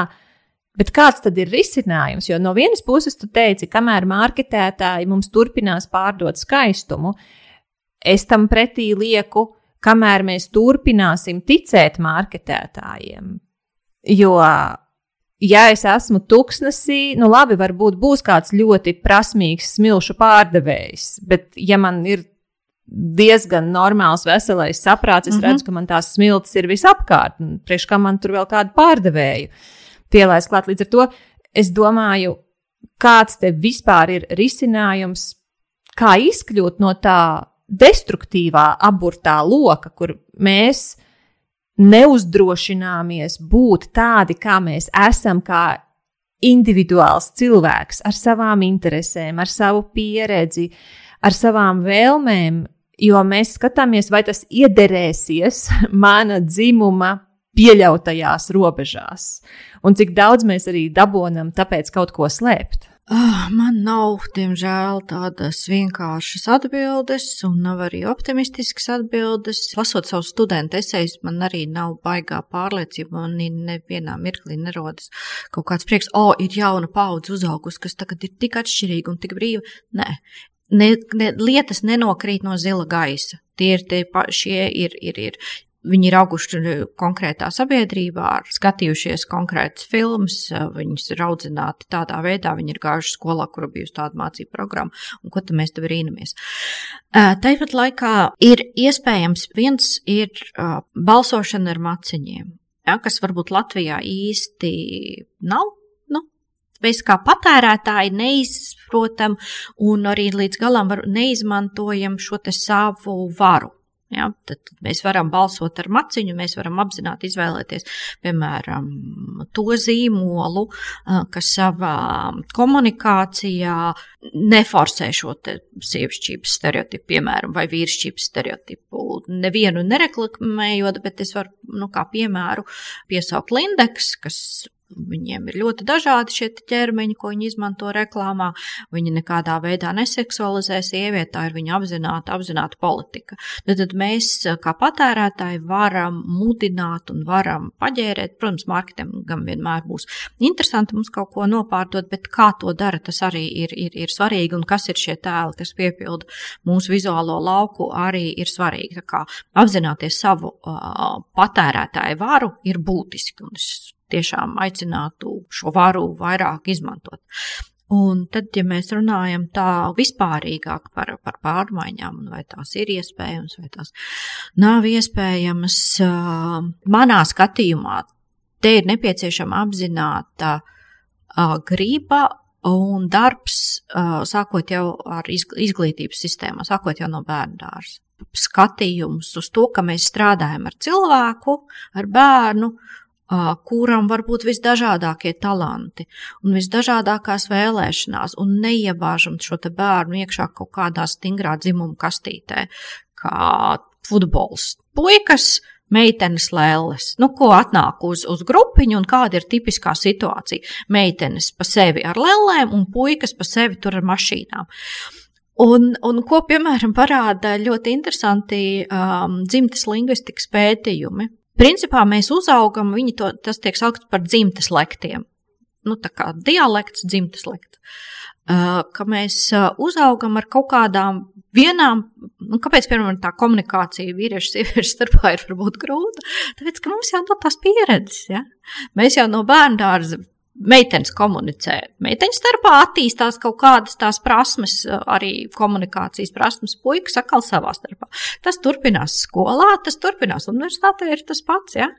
Un pēkšņi šiem diviem cilvēkiem, kas visu laiku pa lielam ir komunicējuši ar savus, savu dzim, dzimtas pārstāvu, pēkšņi vajag dzīvot kopā, un vajag sazināties, un vajag saprasties, un vajag saprast, ko tas otrs cilvēks saka. Un, un varbūt nepasaka, ja, jo, jo ir pierādījis, ka nu, tad, tad, tad viņu to arī ko nepasaka, vai, vai ar intonācijām, vai ar kaut ko citu nolasīs. Ja, jo, jo šajā grupā, ko, kurā, kurā cilvēks ir uzturējies, tas vienmēr ir ticis nolasīts. Un pēkšņi nu, ir, ir šī nesakritība un, un, un nesadarība. Manā skatījumā ļoti aiziet audzināšanā, ļoti aiziet audzināšanā. Viens, ko ģimene var darīt, protams, ir tā viena lieta, bet jāatcerās, ka, um, ja mēs runājam par socializāciju, ģimene ir tikai viens no socializācijas aģentiem. Ja? Bērndārs, kas notiek um, vienaudži un, un arī tas saturs, kas tiek pasniegts, tas, tas arī ir svarīgi. Un skola ļoti labi, ka tagad vairs netiek dalīta mm, meiteņu un puišu maiturība, ka tiek apgūtas kopīgas prasmes. Ja. Nu, man ir žēl, ka es arī to nemāku, ka es nemāku pie, pie, pielikt gleznu pie sienas, jo tur ir, zinu, ka tur ir. Es teorētiski zinu, ka tur arī vispirms tas bīdelis jāiesit tur vai ne, un tad nevar te taisni sienā skrūvēt šo te, skrūvi, bet es to, nu, nu nav man, nu, es esmu tikai, kā es redzēju, kā, kā to citi dara savukārt, mm, ja vajag, nu, tīri banāli arī ģimenei piešūt kreklam pogu, un tad vīrs lūdz to man darīt, jo, nu, jā, nu viņam tas, tas arī nav mācīts. Nu, kā, tad, kā tad to var gribēt? Un tas tālāk arī, arī, arī multiplicējas. Tā kā es par to es priecājos, ka tas ir tāds, tāds solis, gan vēl joprojām tiek tur saukts, ka ka nu, mē, mums tagad būs meiteņu maiturības daļa, un tad, tad mums būs puikas maiturības daļa. Bet, nu, ok, tas, tas, tas ar laiku pāries. Nu, tas ir tiksim, tāds pirmais, pirmais solis, ko, ko darīt, un, un kopumā vajadzētu vairāk pievērsties izglītības saturam, izglītībai kā tādai, un arī, protams, informācijas videi. Jā, tāpatās kā mēs kā patērētāji varam balsot par tiem zīmoliem, kuri vairāk atbilstām mūsu vērtībām, piemēram, ja mēs iestājamies par dzimumu līdztiesību. Mm, tāpatās arī kā patērētāji mēs varam izvēlēties teiksim, tās multenītes, piemēram, vai, vai kaut ko tādu, ko bērniem skatīties, kas arī lauž stereotipus. Un te es gribētu arī kā māma gan jau var diezgan nu, tādu, kad bērns bija mazs, diezgan jau pasentā vēsture, bet, piemēram, BBC mūsu laikā mēs vēl diskos pirkām gan par Bob the Builder, viņš bija galvenais celtnieks, un viņam tajā komandā arī bija, arī bija sievietes, kas to pašu darīja, un, principā, nu, tad, tad normalizēja, vai uh, Fireman Sam, kuram arī bija tā ugunsdzēsēja komanda, kur arī bija, bija sievietes ugunsdzēsējas. Nu, tas, tā pasaules aina tiek parādīta uzreiz dažāda. Tādā veidā mēs arī varam strādāt un, un mazināt šos dzimumu stereotipus. Jo, jo principā jau ir tas, tā ir runa par individu un par to, ka indivīds ļoti agri tiek ielikts kaut kādā konkrētā kastē ar konkrētām gaidām, kā jāuzvedās, kas jādara, par ko jāinteresējas un par ko nedrīkst interesēties.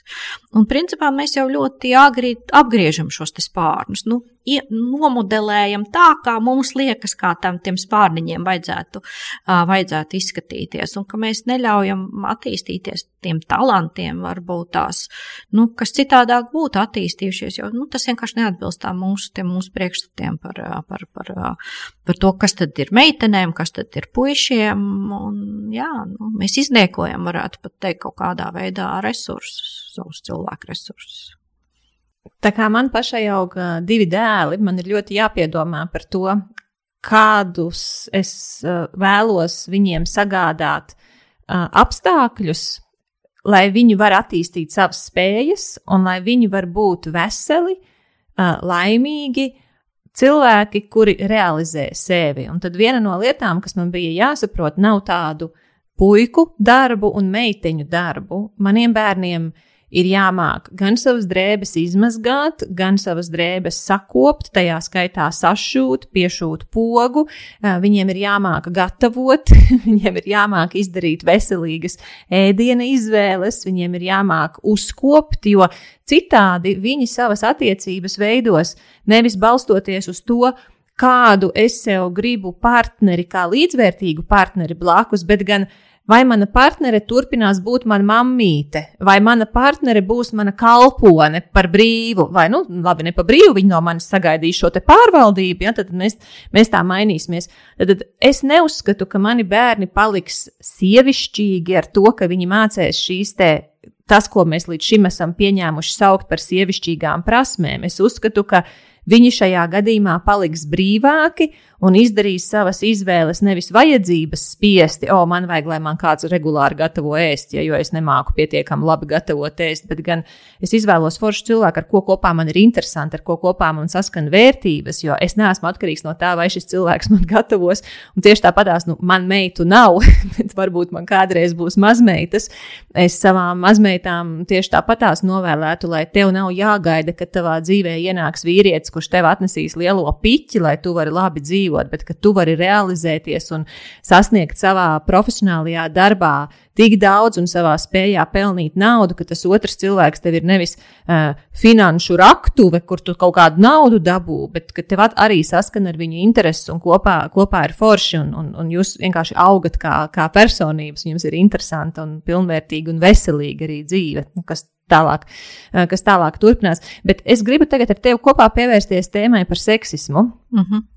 Jo tad, kad es sākumā pieminēju to situāciju, kur uh, es uh, Instagramā ieliku, man bija nepatīkama pieredze ar to, ka man kāds uzrakstīja jautājumu, Laura, uh, nu, tu tikai močī un močī, nu, tu redzot tos tavus ierakstus, tu, tu tikai močī, Un vispār nu, tev ir arī kaut kādas sievišķīgas izpausmes. nu, tā.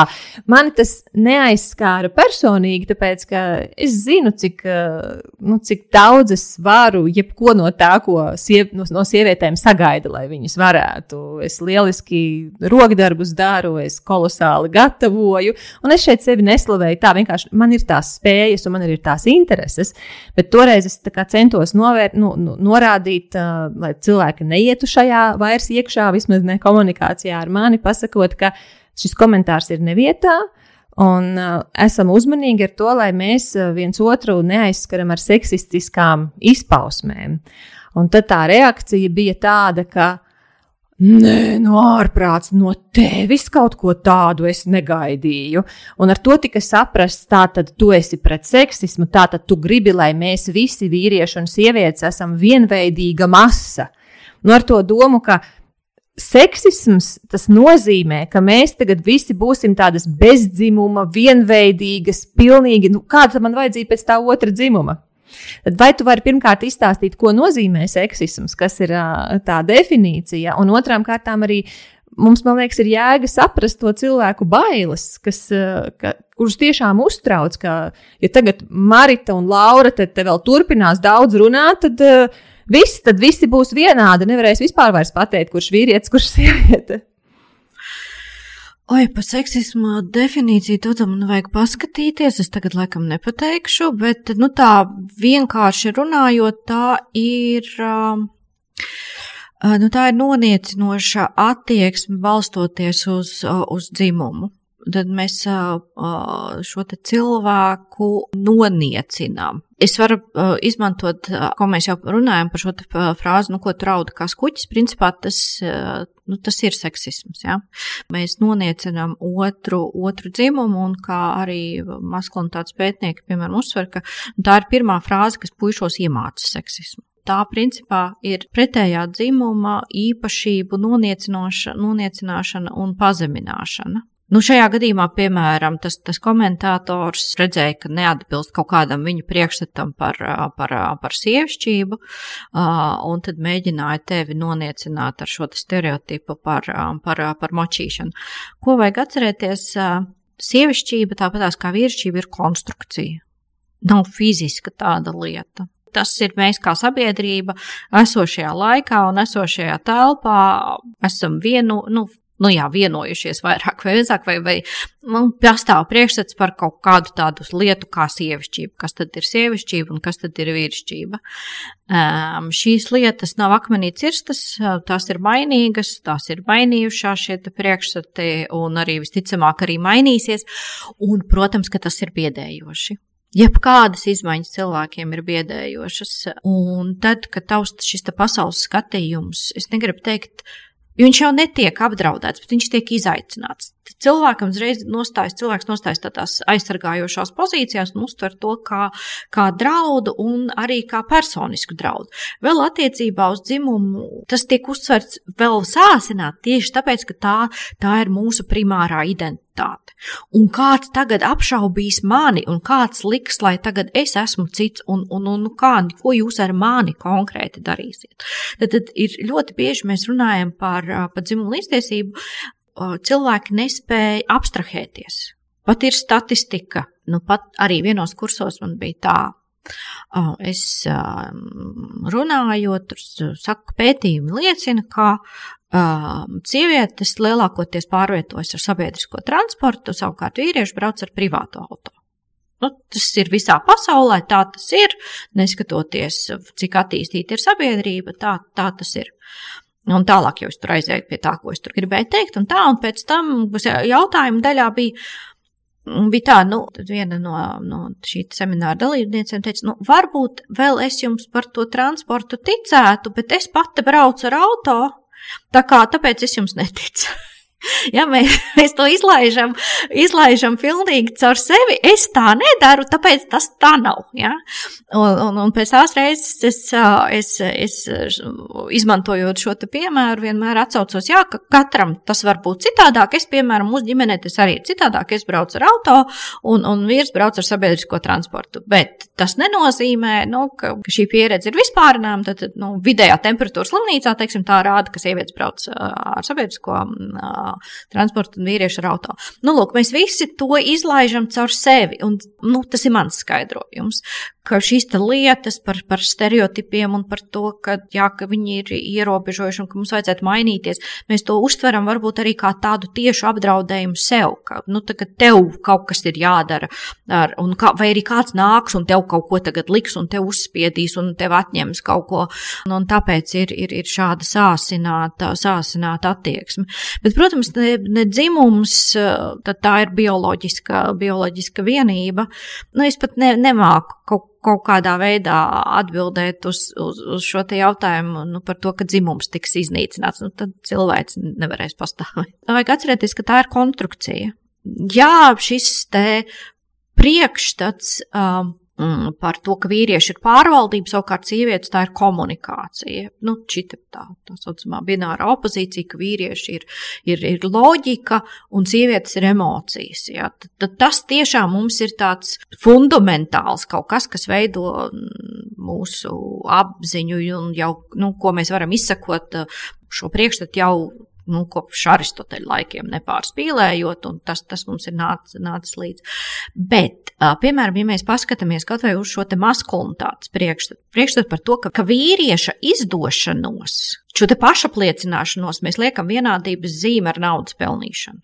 Ja, tad, tad vīrietim ir obligāti jābūt nu, varai un jāpieder varai un, un, un ir jābūt uh, šim te, nu, angliski saka, saka big wheel, kaut kādam priekšniekam, svarīgai personai. Šis priekšstats ir samērā nesens, nu, pret cilvēks vēsturi. Tas ir um, 19. gadsimta auglis, industriālās revolūcijas auglis. Šis te, tā maskulinitātes koncepcija, ar kuru mēs dzīvojam. Jo, nu, vienkārši kapitālisms atnāca un diezgan daudz visu kaut ko sabo, nu, gan, gan uzlaboja, gan arī sabojāja. Un radīja arī šo te um, maskulinitātes konceptu, un koncepciju, ar kur lielā mērā mēs vēl dzīvojam šobaldienu, ka ir tad, tad maskulinitāte apliecina tieši šī vara un, un resursu un, un, un, un, un, un tā, tās lietas. Naudas esamība kā viens no maskulinitātes šiem te marķieriem. Tas ir samērā jauns, pirms tam bija neiedziļinot, nu, ļoti tur un par to ne, neaizējot prom no tēmas, pastāvēja pilnīgi pilnīgi cits priekšstats par maskulinitāti, kurā, starp citu, būt tēvam un būt kopā ar ģimeni bija ļoti svarīga daļa no vīrieša, vīrieša pasapziņas. Atkal neizslēdzot to, ka vīrietis vienmēr bija pārvaldījums un šis lēmumu pieņēmējs, bet šis tuvums ar ģimeni, tuvums ar bērniem bija svarīga daļa no tā, ko nozīmē būt vīrietis pirms tam, un tad nāca industriālā revolūcija, nāca kapitālisms, nāca daudz dažādu procesu, kas mums radīja jaunu priekšstatu par maskulinitāti, ar kur mēs dzīvojam šodien. Tā kā pārmaiņas izmaiņas ir bijušas vienmēr, un pat neaizejot tur nezinu, līdz, līdz viduslaikiem, kad šīs te, sociālās attiecības bija pilnīgi, pilnīgi citādākas. Kā šīs identitātes nav akmenī cirstas, kā es mīlu teikt. Tās ir mainīgas, tās mainās laikā, tās mainās telpā. Jā, tas ir biedējoši, bet tā ir daļa no, nu, no civilizācijas attīstības procesa. Mm -hmm. Marita, tu pieminēji šo pētījumu, kur uh, sievietes lielākoties brauc ar sabiedrisko transportu vairāk nekā vīrieši, vīrieši ar privātu auto. Vai ir vēl kaut kādas detaļas no šāda vai cita veida pētījumiem, kas ir interesantas? Šis bija saistībā ar klimata pārmaiņām, jo atkal tie paši pētījumi rāda, ka sievietes sniedz mazāku ieguldījumu klimata, pār, klimata pārmaiņās, bet toties uh, saņem vairāk šo klimata pārmaiņu sekas. Nu, tad, tad, tad, tad, tad viņas ir mazāk Viņas ir mazāk vainīgas pie klimata jā, negatīvajām jā, pārmaiņām, jā. bet viņas vairāk dēļ tām cieši. Jā, tieši tā. Un te parādās, piemēram, tas jau, ko es minēju, tas piemērs ar, ar sabiedrisko transportu. Sievietes vairāk pārvietojas, piemēram, sabiedrisko transportu. Un, un līdz ar to, protams, tā, tā CO2 pēda ir, ir, ir mazāka. Tas ir tiešām izrēķināts, tas ir, tas ir apstiprināts un parādīts, ka sieviešu darbības mazāk atstāja iespaidu, negatīvo iespaidu uz, uz klimatu, ka tas primāri ir vīrietis, kas šo visu skaistumu nodara. Savukārt, sievietes būs tās, kas visvairāk izjutīs uz savas ādas šīs negatīvās sekas klimata pārmaiņu. Un te, te, tas, protams, mums vajadzētu izkāpt no sava pirmās pasaules burbuļa, un tas primāri attiecās uz trešās pasaules valstīm, kur, uh, kur šīs klimata pārmaiņas ir, ir ļoti tiešas un ļoti tieši ietekmē cilvēku, cilvēku dzīves. Tas ir, ir pieeja uh, ūdenim, tas, tas ir pārtikas, uh, pārtikas trūkums un tā tālāk. Tad, cietējas, kā rāda statistika, kā rāda pētījumi, ir sievietes. Un plus vēl arī vēl ir tas, ka šī klimata radītā migrācija ir tāds fenomens, ja, ka teiksim, tie, tie reģioni, kuros ir, ir ūdens trūkums vai bats, rada migrāciju, un, un tā, tā tendence tāda, ka tie, kas aizbrauc prom, atkal jau ir vīrieši, ja viņi atstāja ģimeni, viņi brauc tā kā pelnīt naudu, viņi tiek prom no tā sliktā klimata, piemēram, no tām sekām, jā, viņi atsūta naudu, bet tās jau ir sievietes, kas šīs sekas uz sevi izjūt. Tā kā klimata pārmaiņas īstenībā ir vēl viena tāda tēma, ko, ko globāli ļoti liek iekšā un skatās no dzimuma perspektīvas. Ja? Un ko saprotu, ko, kuru risināšanai ir nepieciešams nevis vienkārši nosēdināt pie galda pusmūža baltos vīriešus, ja? bet nu, tad, tad nest iekšā sievietes perspektīvu. Un uz to jau arī kopumā iet visas šīs dzimuma līdztiesības iniciatīvas, um, nu, ka mēs aizējam pie tā cilvēka, kas ar to ikdienā šo te piedzīvoju, saskarās un prasam, un, un, un paskatāmies no šī, no, no šī cilvēka, cilvēka perspektīvas un bez viņa vai viņas viedokļa, to mēs arī, nu, mēs nespējam šo problēmu risināt. Tāpat tās arī, piemēram, par konfliktu risināšanu pasaulē dažādiem etniskiem konfliktiem un tā tālāk, tad, tad uh, ANO ļoti aktīvi uh, runā par to, ka mm, ir, ir, ir, jāpiedalās um, sievietēm, jo bruņotie konflikti nenoliedzami ietekmē visas cilvēku grupas, un pie konfliktu risināšanas nevar būt tā, ka sievietes balss tur nav, nav, nav jūtama un nav dzirdama. Es gribu pievērst uzmanību arī tam, cik ļoti sievietes cieš dēļ dzimuma un nelīdztiesības.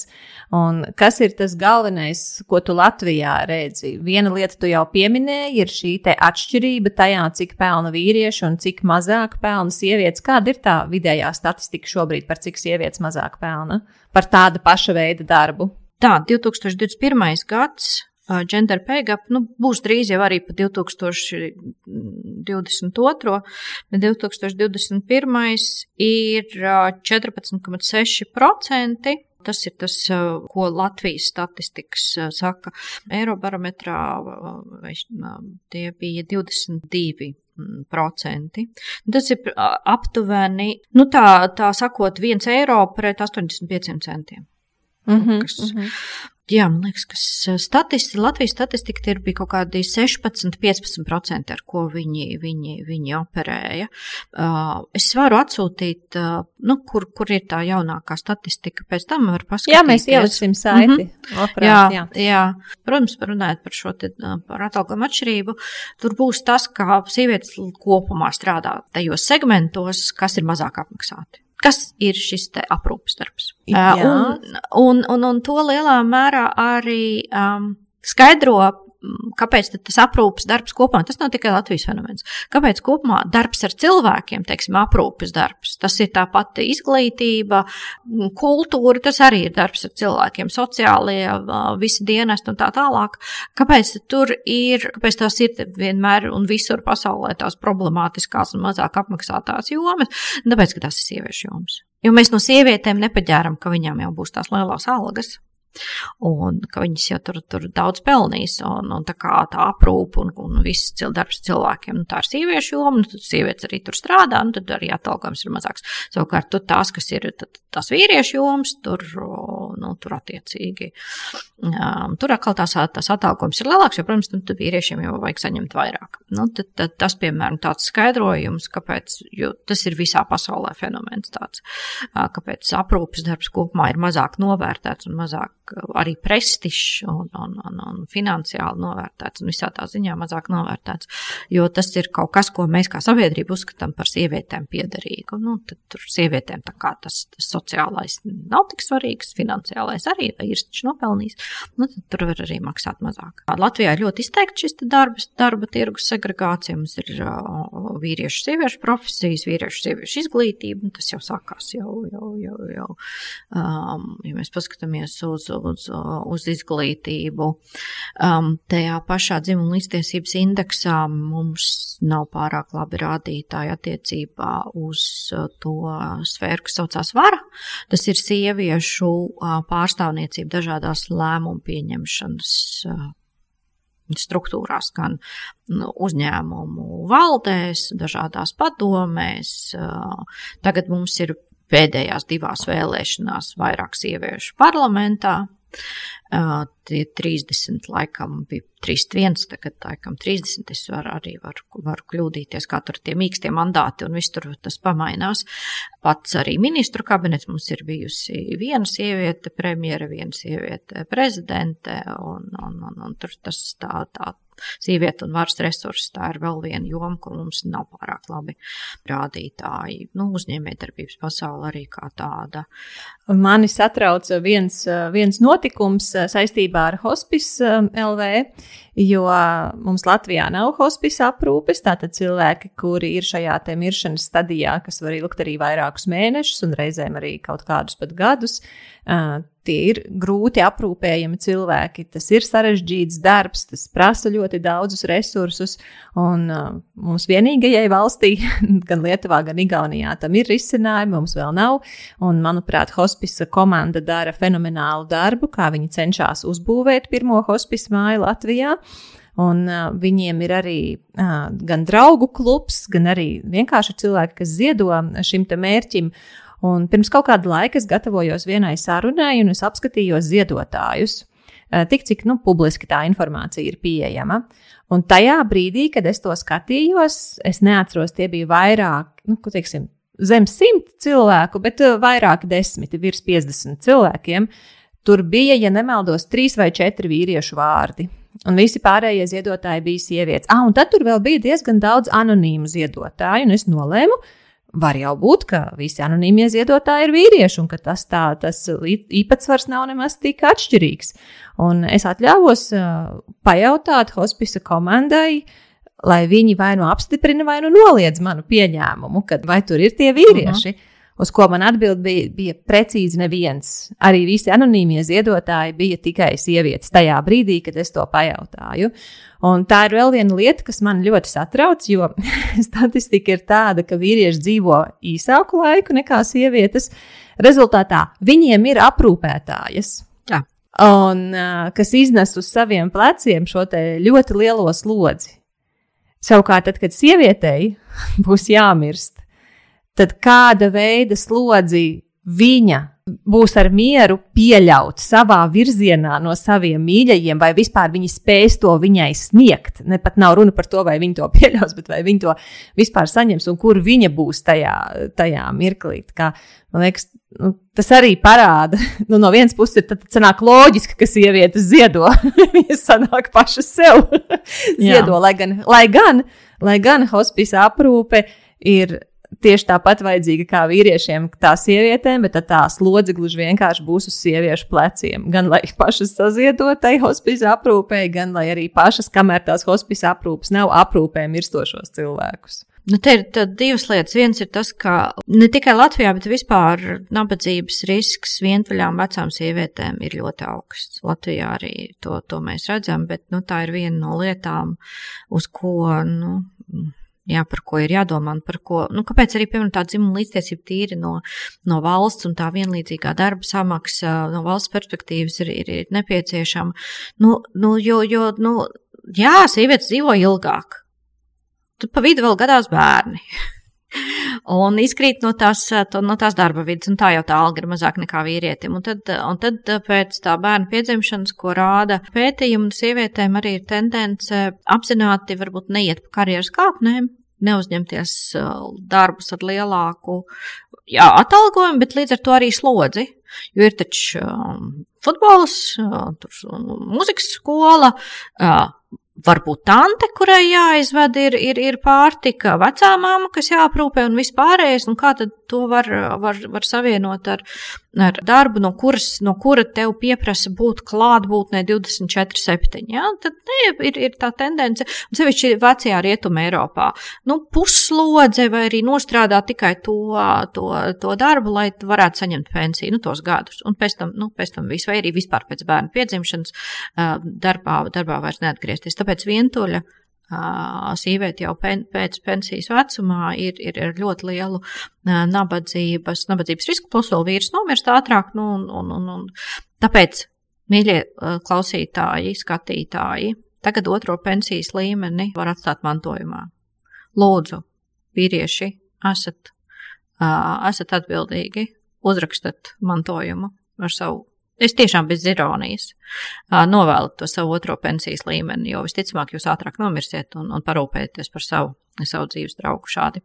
Bet tas darbojās uz abām pusēm. Arī, uz abām tiksim, pusēm, protams. Sieviete mirtu ātrāk, viņ, viņas pensijas jā, jā, otrais nu, līmenis ir, tieši tāpat. Tas, protams, uz abām pusēm vienkārši skatoties uz to, ko mums saka statistika, nu, mēģināsim parūpēties kaut vai tādā veidā par savu dzīves biedru. Gatavojoties šodienai, um, es, un turpinot par, par šo labdarību, kad minēji, ka visi bija, nu, ka tur pāris vīriešu vārdi bija. Viens, protams, ir tas, ka vīrieši sevi vispār nespēja ar šo tēmu nekādā veidā identificēt. Nav tās pieredzes, ja, jo, jo visticamāk viņiem nekas, nekad kaut kas tāds nav bijis jādara, un visticamāk no viņiem arī tas netiks darījis. Līdz ar to nav tā, nu, tāda personiskās empātijas pieredzes, kas, kas, kas motivētu ziedot. Bet pētījums, ko es uzgāju, gatavojoties šodienai, bija ļoti interesants, ka pat mūsu labdarības aktivitātes ir ļoti dzimumā balstītas. Jo vīrieši pieslēdzas kā brīvprātīgie vai, vai, vai arī tādi, kā ziedošana, tad labdarības darbam krīzes situācijās. Nu, tad, kur vajadzīga ātra, nu, tas pats ir ar šo pārvaldību. Ja? Tad, tad īsu laiku kaut kas jāatrisina. Ja? Tūlīt šeit tagad Savukārt sieviešu labdarība ir vērsta uz ilgtermiņā. Viņas drīzāk iesaistīsies um, kaut kādās tādās kā, kā brīvprātīgais vai, vai, vai, vai kaut kā citādāk, tādās akcijās, kas ir ilgtermiņa, regulāri un pierasti. Nu, jo atkal tā ir tā komunikācija, tas ir tas, tas, tas darbs ar cilvēkiem, tas ir tas tā aprūpe. Nu, tas atkal saskana ar šo mūsu, mūsu stereotipu, jā, ar, dzimumu stereotipu. Tā kā nu, izskatās, ka pēc mazliet viss šai pasaulē ir saistīts un izrietoši no, no šiem stereotipiem.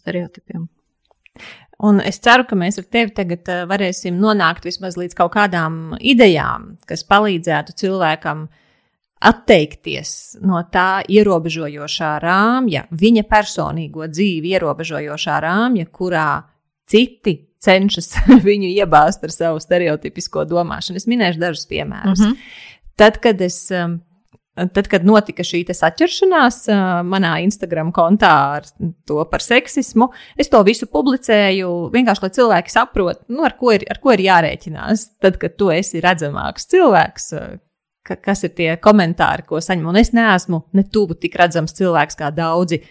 Tie, kas ir patiešām ļoti redzami, es pat iedomāties nevaru, ar ko viņiem ir jāsaskarās. Mm -hmm. Un man daudzas sievietes rakstīja savus sāpju stāstus par to, cik ļoti šī stereotipu domāšana un seksisms ir ierobežojis viņas. Nu, piemēram, viens gadījums - sievietei īsi mati, jo viņai ir tāds dzīvesveids, ka viņai tā ir vienkāršāk dzīvot. Viņa daudz dzīvojas pa ūdeņiem, un pēdējais, kas viņai būtu vajadzīgs, ir uh, dabūt vidusavas iekaisumu, jo nevienmēr izdodas tos matus izžāvēt.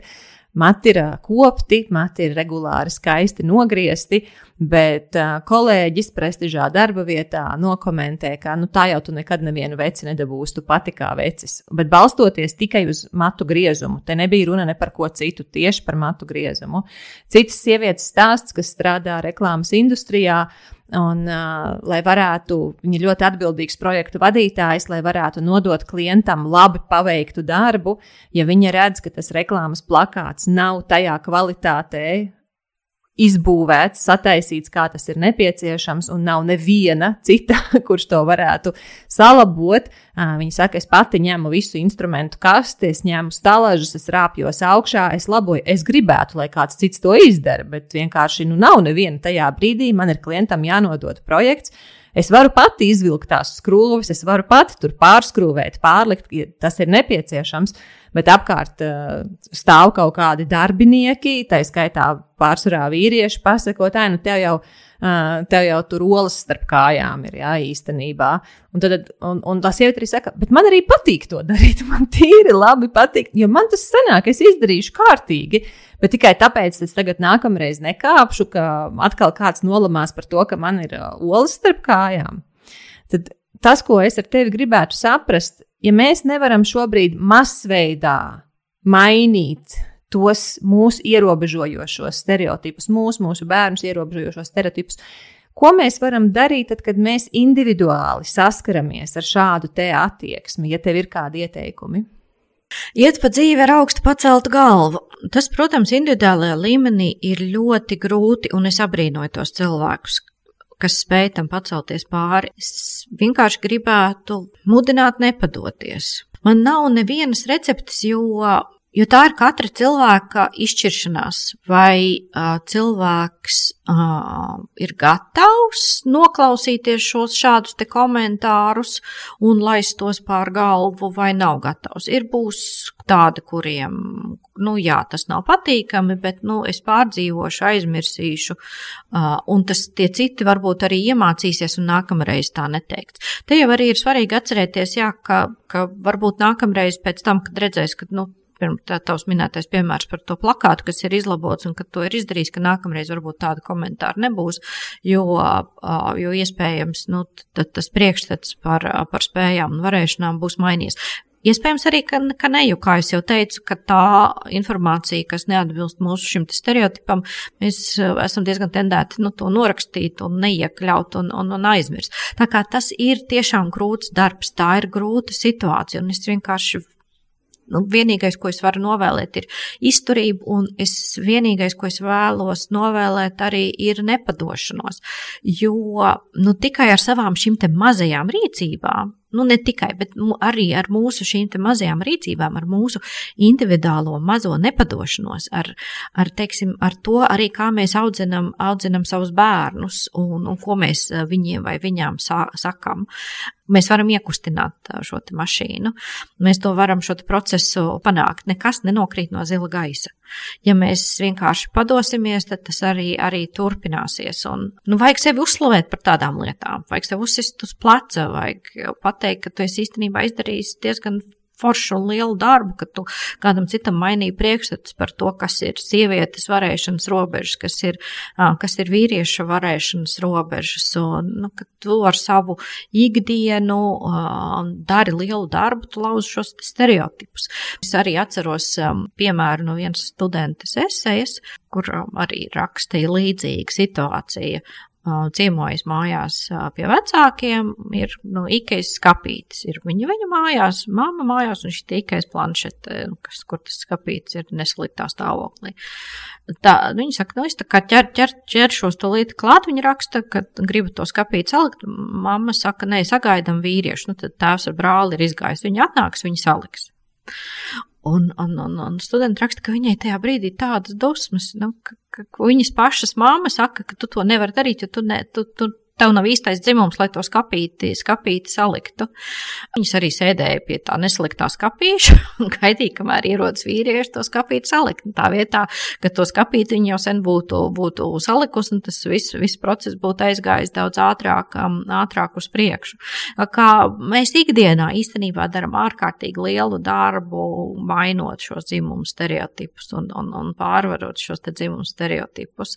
Un, un, un, protams, ka tas ir, um, ka tas, tas var būt grūti, un šo te nosodījumu tu varbūt saņem no cilvēkiem, no kuriem tu būtu sagaidījis, tu būtu, būtu gribējis sagaidīt atbalstu. Tas arī ir vēl viens aspekts, kas to padara mm, sarežģītāku, grūtāku.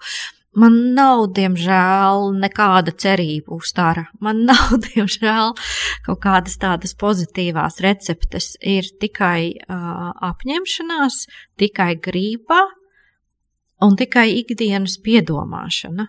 Mm, pie tā, ko es daru, kā es arī izturos pret citiem, kā es citus novērtēju, un uh, piefiksēšana, kurā brīdī es esmu vadījusies no dzimuma stereotipos, un, un atcerēšanās, un šo tādu kā jau minēju, par, par nu, ka es kāju tur pāri ielai, vai arī, laikam tas, tas, no kā man laikam visvairāk ir kauns tagad skatoties un atceroties, bija situācija, sabiedriskajā transportā, un tas bija ļoti, ļoti sen.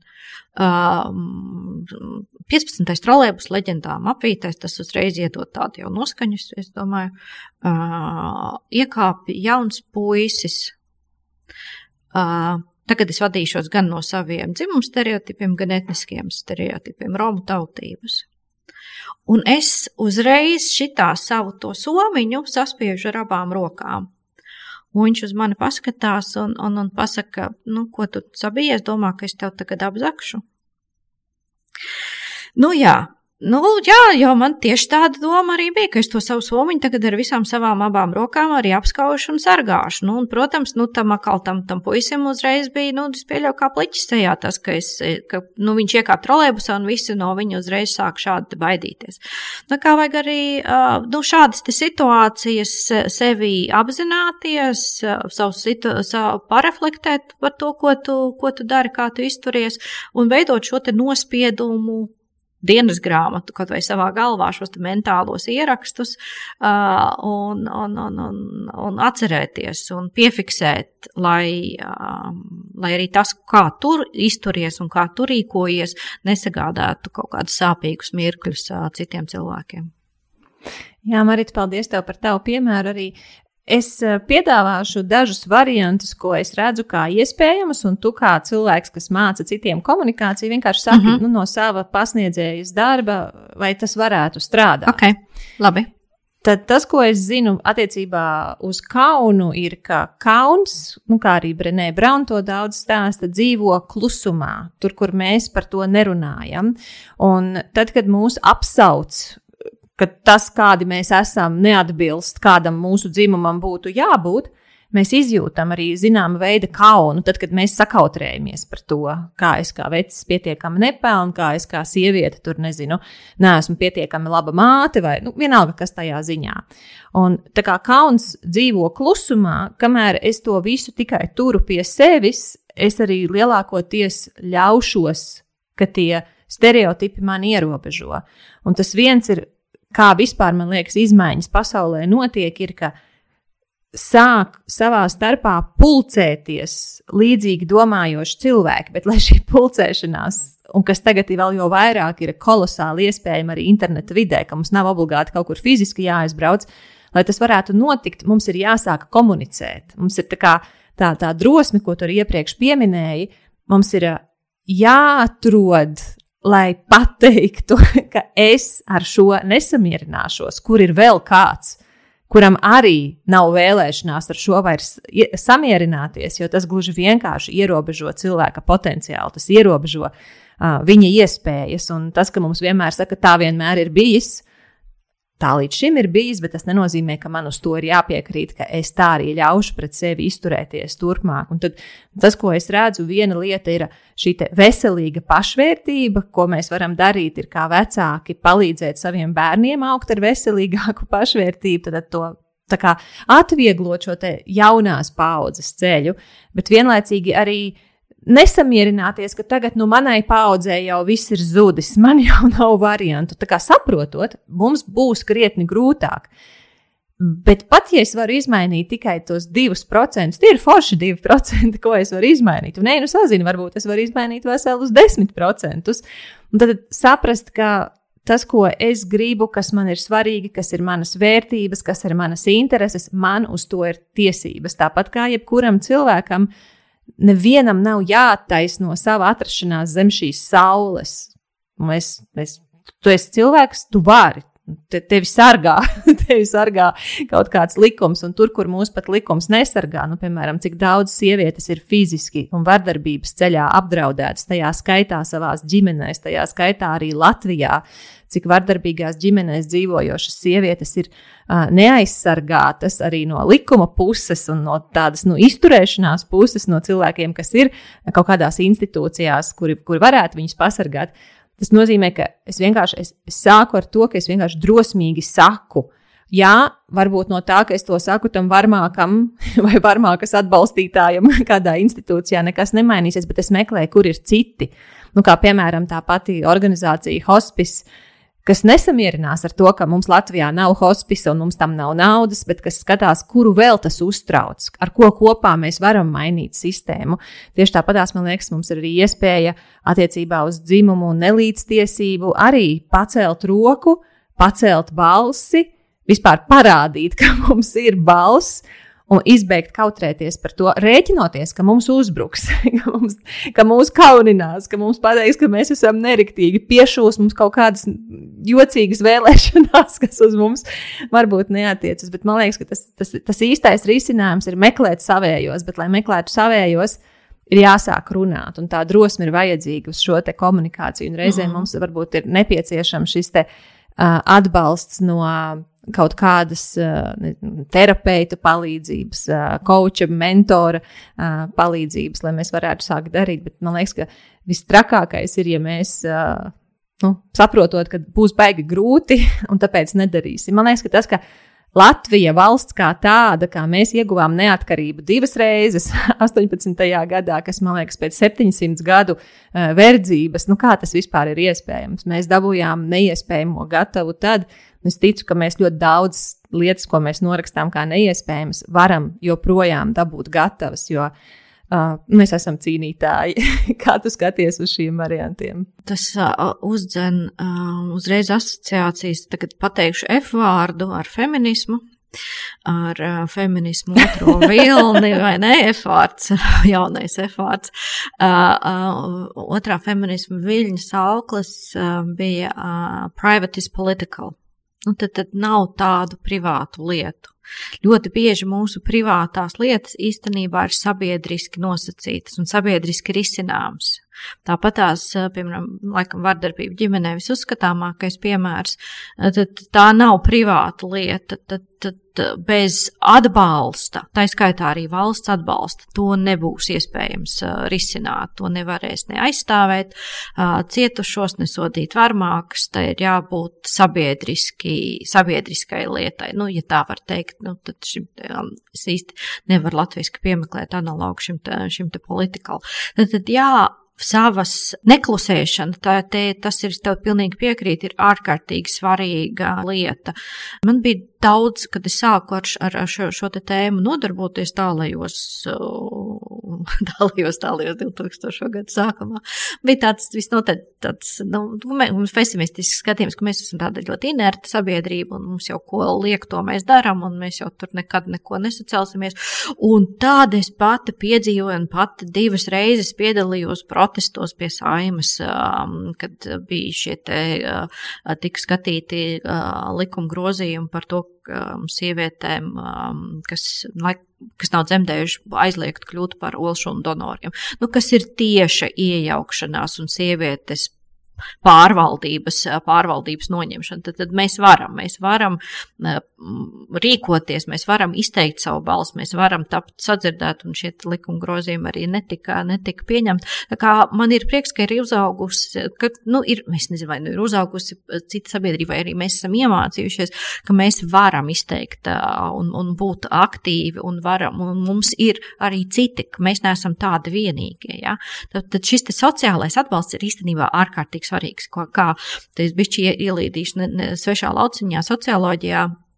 Tā ir viena no lietām, ko ir piemēram svarīgi mērīt sabiedriskās domas aptaujā šis sociālais atbalsts.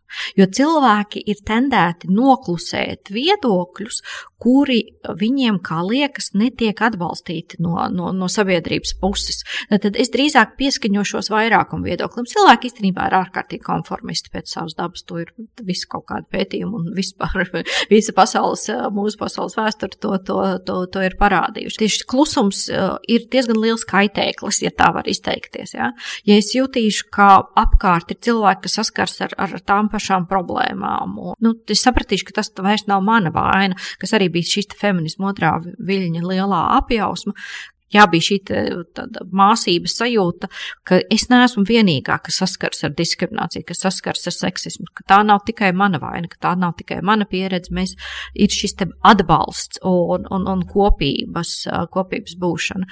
Kā es domāju, runāšana, neklusēšana, atbalstīšana, arī citu cilvēku atbalstīšana, pat ja tu tā nedarītu. Tas netiek prasīts, lai tu nestaigā, neaudzē garus matus un, un, un nestaigā pa, pa pļavu garos brunčos un tur nevāc kaut kādas, tur cerams, nērces, bet, nu, vienalga tās sievišķās enerģijas. Tas tā ir tava izvēle, bet, bet atbalstīt cilvēkus, kura griež tos īsos matus un pateikt, jā, tas ir skaisti, tu esi skaista. Ja? Tas, tas, manuprāt, ir, ir, ir ļoti svarīgi.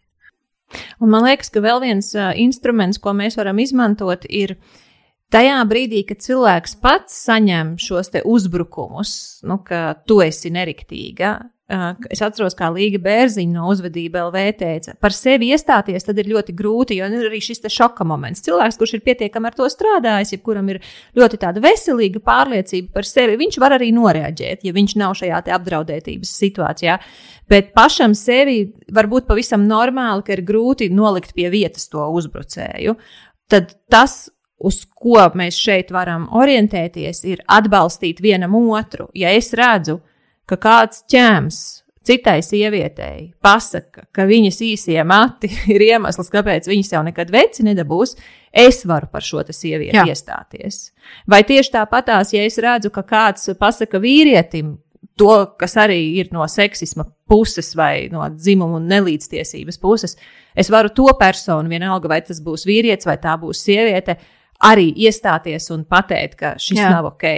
Tieši tā. Tas, tas, būtu, tas būtu lieliski. Tā būtu nu, tā rīcība, ko es ļoti sagaidītu, kas būtu, nu, kas tiešām būtu lieliski, ka mēs nevis to klusējot akceptējam, bet uh, bet mēs to skaļi izpaužam, ka mēs atbalstam citus cilvēkus. Jā, tas būtu lieliski. Jā, man liekas, ka arī Līga Bērziņa teica, droši vien, ka citādāk, bet tā doma, kas man ir palikusi prātā, ir, tad, kad tu redzot var, vardarbību, tā skaitā arī emocionālu vardarbību, verbālu vardarbību, klusē un tad tu tajā nesaki, piedalies. Tu esi varmākas pusē tu esi līdzvainīgs tajā, ka mm -hmm. tas turpinās notikt. Tāpēc mūsu katra uzdevums ir meklēt sevī šo drosmi, iestāties par to cilvēku, kuram tiek nodarīts pāri tajā brīdī. Jo mūsu vairāk tādu būs, jo vienkārši jo izglītotāka kļūs arī Jā. sabiedrība. Tad, principā, šobrīd tas, par ko mēs ar tevi runājam, tas ir arī drosmes attīstīšanas jautājums. Prasmju, komunikācijas prasmju, tas ir tieši tavs darbs, ko tu dari, un drosmes attīstīšanas jautājums. Jā, pilnīgi, pilnīgi noteikti, jo es arī, kā jau teicu, arī apzinos to, ka nu, tas prasa saņemšanos un tas, tas prasa, prasa drosmi. Jā, mhm. tas, tas ir darbs katram pašam ar sevi. Tas ir pilnīgi noteikti darbs katram pašam ar sevi, bet ne tikai. Nu, Tādas nelielas lietas, kā jau tu minēji, nepieļaut, aizrādīt, atbalstīt. Eh, tas it kā var likties ļoti nu, nesvarīga lieta, bet tas tam otram cilvēkam var nozīmēt, eh, nozīmēt ļoti daudz. Un tādās mazās lietās, ar tādām mazām lietām mēs varam panākt arī, vai lai arī cik tas banāls skanētu, liels, liels izmaiņas. Un, un šo te prasmu es noteikti piekrītu tev, vajag katram sevi attīstīt. Mm.